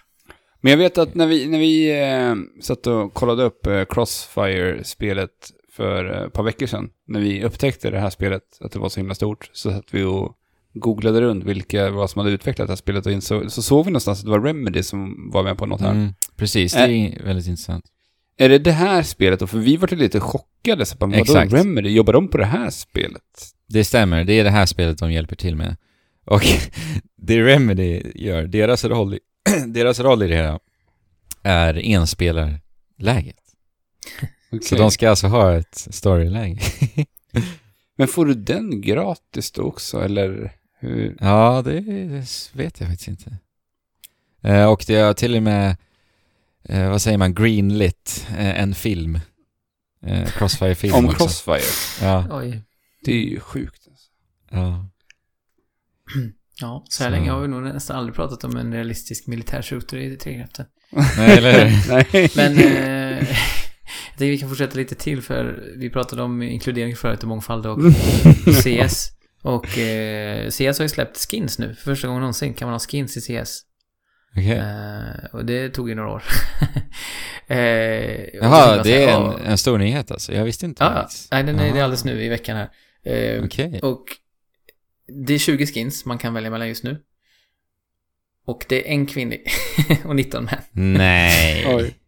Ja, Då, då känner man lite så här, det är nästan värre att lägga in en kvinna Ja. i spelet. Än att Ja. inte lägga in någon. Eh, För att då vet man att de har tänkt på det. Så har de övervägt det och så har de tänkt så här. Ja, men det måste ändå vara någon kvinna med. För att annars kommer det bli liksom... Ja, men ah, vi lägger in en. Ja, men det känns det är riktigt illa alltså. Ja. Men det är ju med risk för att eh, dra på mig vrede från CS-communityn. Jag vet inte hur många CS-lyssnare vi har, men så är det ju liksom ganska typiskt för den communityn. Det är ju väldigt, väldigt machodrivet. Ehm, Ja, du Så har att, väl eh, bra erfarenhet av det kan jag tänka mig. ja, bra och dåliga, eller vad man ska säga. Jo, men jag menar att du- God, eller liksom stor erfarenhet av det. Ja, exakt. Mm. Det är det jag menar. Ja. Och det är därför att det är därför en av de bästa spelarna genom tiderna, Get Right, svensk Kristoffer Alesund, var så härlig. För att han grät ju alltid efter turneringen när de hade vunnit det så öppet på scen och var väldigt så här, känslosam alltid. Och Han har var väl, väldigt han har väl Ja, slutat exakt. med NIP Exakt, nu? han slutade. Ja, han slutade ju, han slutade ju överhuvudtaget. Han har pensionerat sig.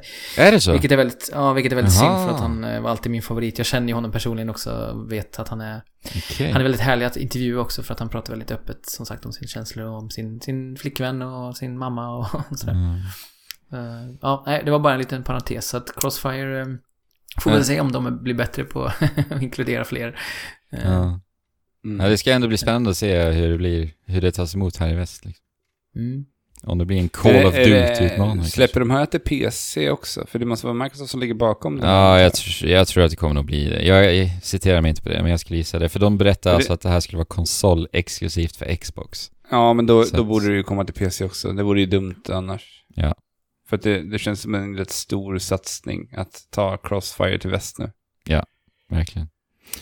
Eh, på Mm. tal om eh, Counter-Strike och skins så tittade jag på en liten dokumentär om Half-Life Alyx här i veckan. Just det, de hade släppt, de hade, det är något nytt Half-Life-spel också, det har jag hört någonting om lite Just så, det är förbi. Det, Mm. det kommer vi till så här som, som en liten halv sista utpost eh, i avsnittet efter två timmar och 15 minuter. Ja. Mm. Eh, jag, jag tänkte ju faktiskt prova på ett, en ny redigeringsmetod till det här avsnittet. Så att det kommer ju Mm. vara lite mer råklippt, har jag planerat. Mm. Så att vi kör väl på, tänker jag. För annars brukar jag sitta rätt länge och redigera, men jag känner väl att nu kan vi köra lite extra kanske. Ja, nej men det, ja precis. Och det är ju det är som är lite kul ändå att kanske det, andra delar av spelvärlden skulle kanske Exakt. inlett med att prata om Half-Life Alex och inte lägga det Ja. eh, klockan 20 över 11 en måndagkväll som vi sitter och spelar, eller en tisdagkväll ska jag säga, när vi sitter och spelar in. Det var viktigare att prata Crossfire. Ja, det var mer intressant. Nej, jag, jag är ju ganska så här. Jag har spelat lite av både ettan och tvåan. Jag har verkligen inte någon stark relation till Half-Life. Jag tycker lite så här att det är spelvärldens liksom mest uppblåsta ballong det här. Men eh, jag, jag fattar att jag är extrem, eh, vad ska man säga, Mm. minoritet här. Jag vet att det är många som älskar Half-Life-serien, men Jag, jag känner jag, jag, sitter, jag sitter lite samma sitt som dig också. Har jag egentligen bara spelat lite utav de här spelarna. Inte slutfört något av dem egentligen. Jag Mm. förstår ju att Half-Life 1 betyder extremt mycket för berättande i FPS. Jag förstår att Half-Life 2 betyder extremt mycket för fysik i spel generellt. Mm. Men, men det är Och- liksom inget så här... Half-Life 1 betyder också mycket för multiplayer-spel. På Mm. sätt. Ja. Ja. för att genom det Precis. så kommer ju Counter-Strike. Ja, exakt. Nej men det jag skulle... Och för hela e-sportgenren, så jag menar, som liksom Ja. milstolpar i spelhistorien, de är extremt viktiga, men som spelbetraktare så har jag inget större intresse för dem. Jag gillade ju Half-Life 2 jättemycket. Jag spelade ju... Alltså The Orange Box. Vilken box alltså. Ja, med Portal och Herregud. eh, Team Fortress och... Det kan nog fortfarande vara en av de mest prisvärda spelen jag någonsin köpt alltså. ja. Jag älskade Portal. Jag älskade Team Fortress 2. Half-Life 2 fick jag ju spela för första gången. Och då inkluderades ju även Episod 1 och Half-Life 2 Episod 2 som var helt ny också då. Med Orange Box. Mm. Ja, helt galet alltså. Den, eh, The Orange Box tog jag alla achievements i på Xbox 360-tiden. Det betyder att man var tvungen att spela alla spel ganska mycket. Nej men jag... Ribban högt. Ja. Nej men jag... okej. Och det var ju väldigt lite achievements du fick för dem. För det var ju så här tusen gamer score per Ja, spel. på, på 99 achievements var det totalt. Ehm, men jag gillade Half-Life 2 jätte, jätte, jättemycket faktiskt, minns jag. Uh, framförallt då såklart på grund av mycket uh, Gravity Gunnen, den var ju häftig och hur de använde den och sådär. Men eh, det jag skulle säga var att i, inledningsvis här, jag såg, titta på den här dokumentären som Jeff Keely har satt upp. Han kallar den här dokumentärserien som det ska bli för The Final Hours av Half-Life Alex. Han gjorde en sån här med Half-Life 1 och 2 tydligen också. Eh, där han följde med lite i utvecklingen. Och han han kommer föra in det här även in till nästa år och till, fram till släppet då, av Alex. Men då berättar eh, Valve-anställda där att de använder ju alltså då inte än släppta skins från Counter-Strike till prototyperna när de eh, lekte lite då med, med Half-Life Alex. För det här är ju alltså ett Mm. VR-spel. Så att vi ser ju då våra händer. Så då använder de tydligen Counter-Strike-handskar. Ja. det var bara ett sidospår jag kom in på för att jag minns att de Men, sa men det i- vilket headset är det de bygger det här för nu? Är det för både Oculus, Vive och Steam har väl sitt egna på gång också? Mm, Ja. Du, du kommer få Half-Life Alex kostnadsfritt om du köper en Half, eller Valve Index, vilket är Valves egna headset. Ja, okej. Och den kostar bara 10 000 så Den det är kostar klart bara värt 10 000. vadå, vadå, på riktigt, kostar den 10 000? nu? ja. det. Ja. Så måste det du ha är en dator för lika mycket för att kunna köra. Ja, men det är ju helt galet, för det är ju där vi, då är det som att resa tillbaka i tiden med Viven. För den var ju liksom, den låg på 10 000 när den kom. Och det är snart, vad är det, tre, fyra år sedan. ja, det är ett tag sedan nu alltså. Men Alex, För att nu, nu har man ändå börjat förvänta sig när det har kommit eh, VR-lösningar som Oculus Quest.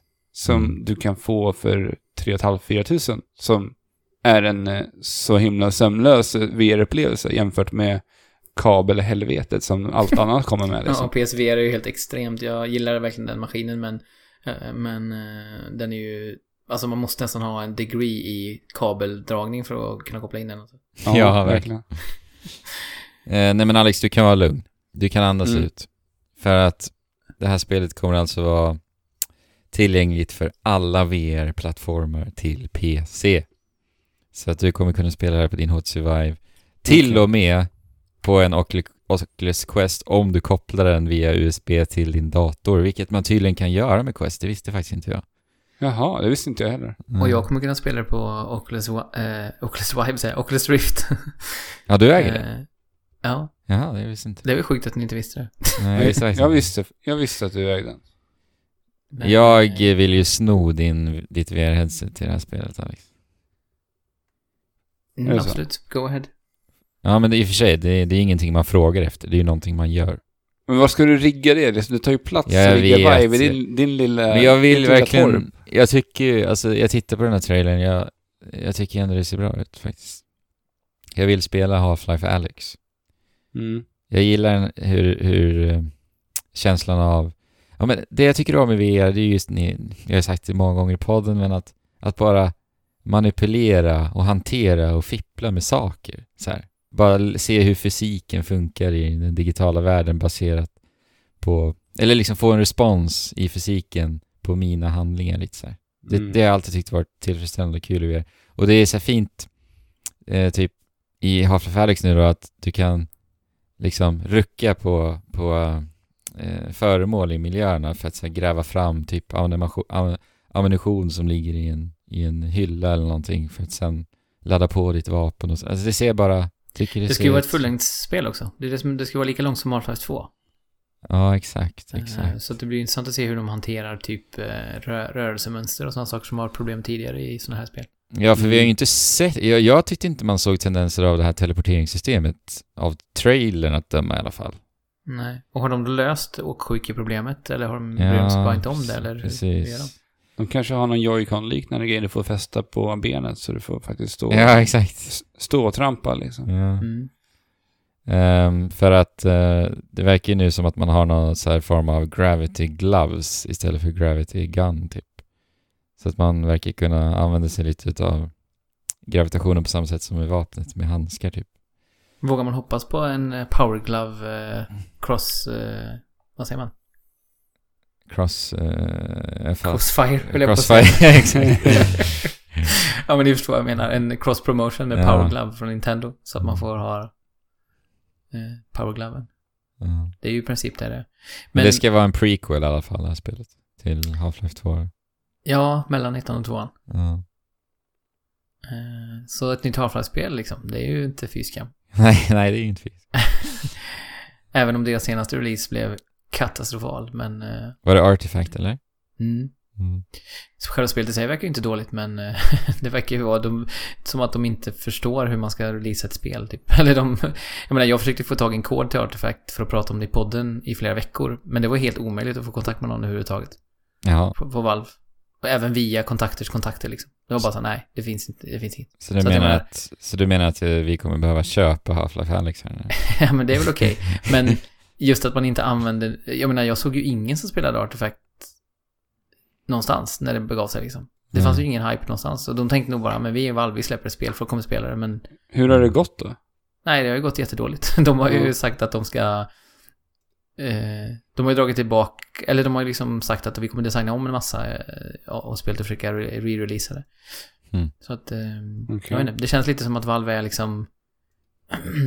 jag vet inte, de, de, det är ju väldigt fritt på företaget. Det känns lite som att de är lite sådär, de följer inga riktiga marknadsregler. Men jag menar, Half-Life går ju inte, det kommer ju, oavsett om man tappar bollen själv så kommer ju hela spelcommunityn bara storma kring spelet. Så att det kommer ju inte vara någon risk med, jag menar, Artifact är ju någonting annat, ett Dota-kortspel. Det är ju väldigt mycket mer nischat än ett eh, Mm. Half-Life-spel. Dock ska Mm. det sägas att frågan är om VR kommer vara tillräckligt stort, eh, har en tillräckligt stor installationsbas eh, som kan tänka sig köpa spelet. Eh, Ja, det är ju det sjukt många som vill ha ett nytt Half-Life som inte kommer kunna spela det. Det är det ju. Mm. eller, som, eller som kommer kunna leta efter alternativ. Jag vet inte hur, hur starkt det kommer driva på eh, Mm. ett intresse att köpa Nej. headsets. Nej, för att man har ju, jag har ju sett lite babbel på webben om, jag twittrade ju om det här Jesper, du svarade ju mig. Jag, det har ju snackats mycket om så här, ja, kommer Half-Life, Alex vara the killer app av VR? Och då blev jag lite så här, men vänta nu, backa bandet här. Har inte det där redan, har vi inte fått det redan? Eller? Jag tyckte ju att Astrobot var, för mig var ett, ett sån, en sån typ av VR-upplevelse.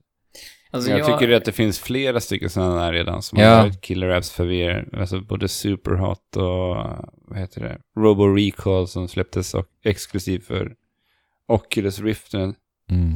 Ja, men eh, Jesper hoppade ju in i min tweet och ja.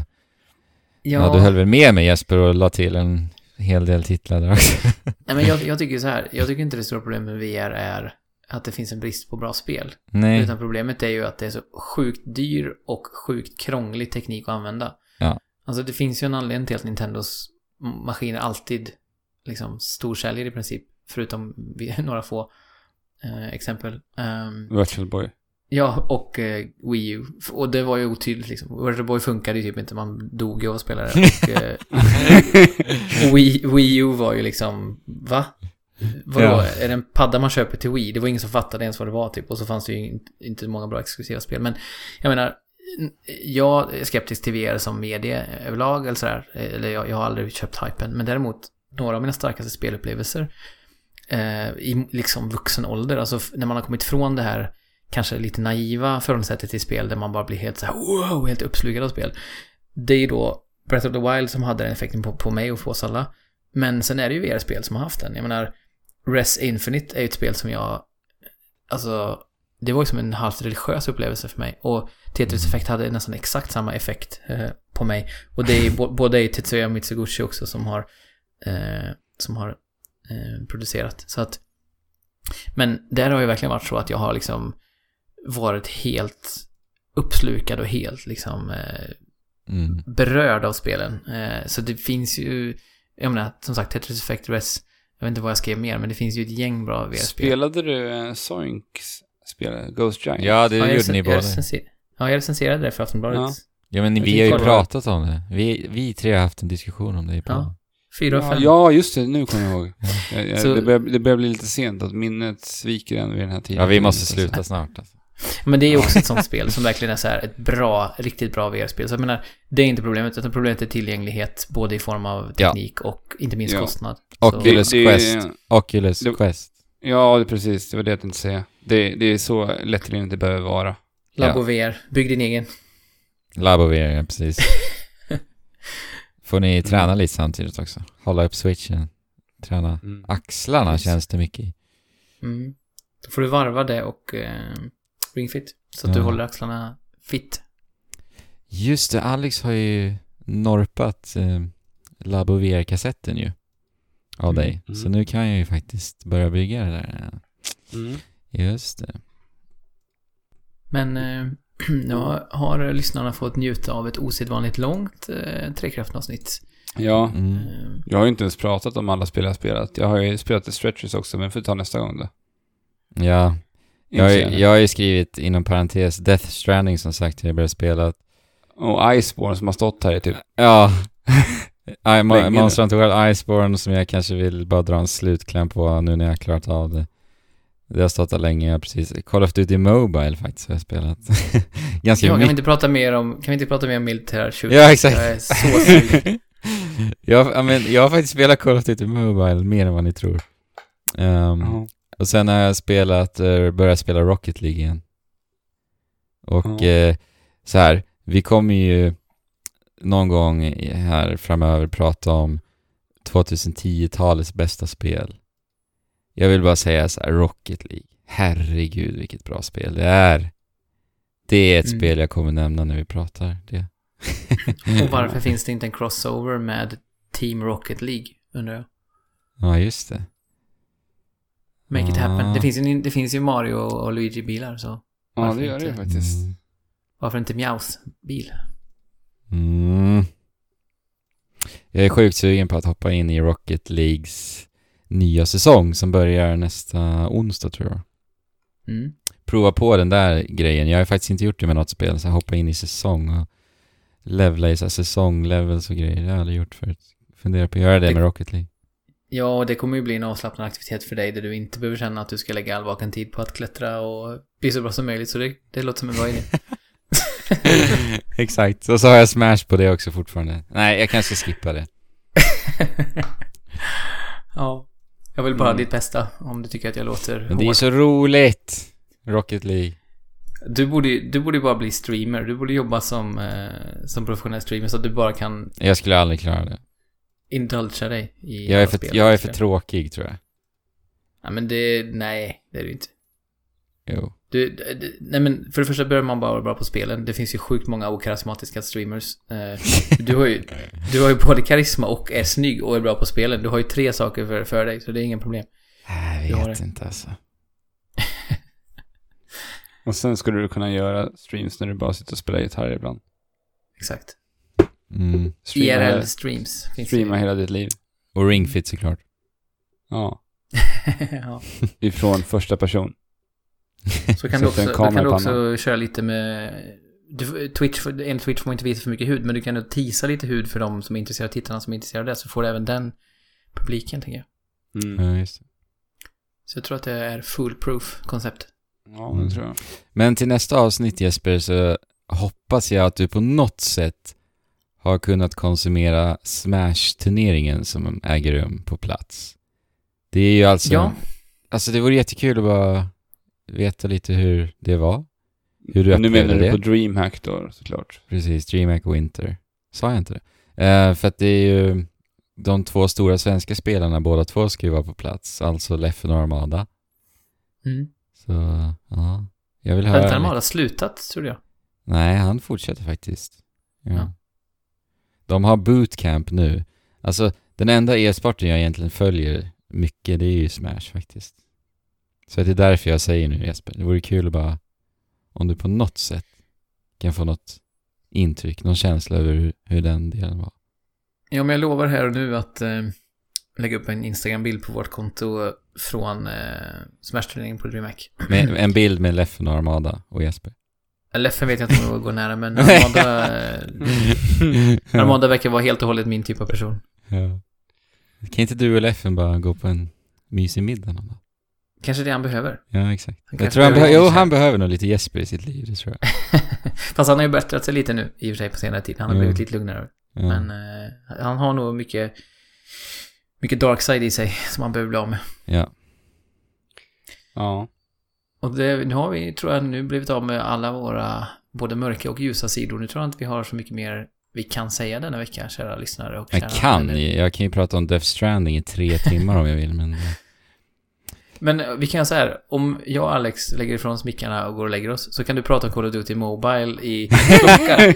Två och en halv timme får du på dig som maxtid, så får du gå igenom... Mm. Allt. ja. Nej, men så- sagt kan definitivt, men vi kanske inte bör säga så mycket mer för att spara våra kroppar och lyssnarnas öron som i början var redo och frågan är om de behöver laddas upp lite nu för att bli redo igen. Vi kanske får gå och sätta oss och kolla på lite eh, Reggie-klipp här, nostalgiskt, som kvälls, eh, kvällslektyr. Mm, Ja. Så att det blir redo igen. Ja. Ja, exakt.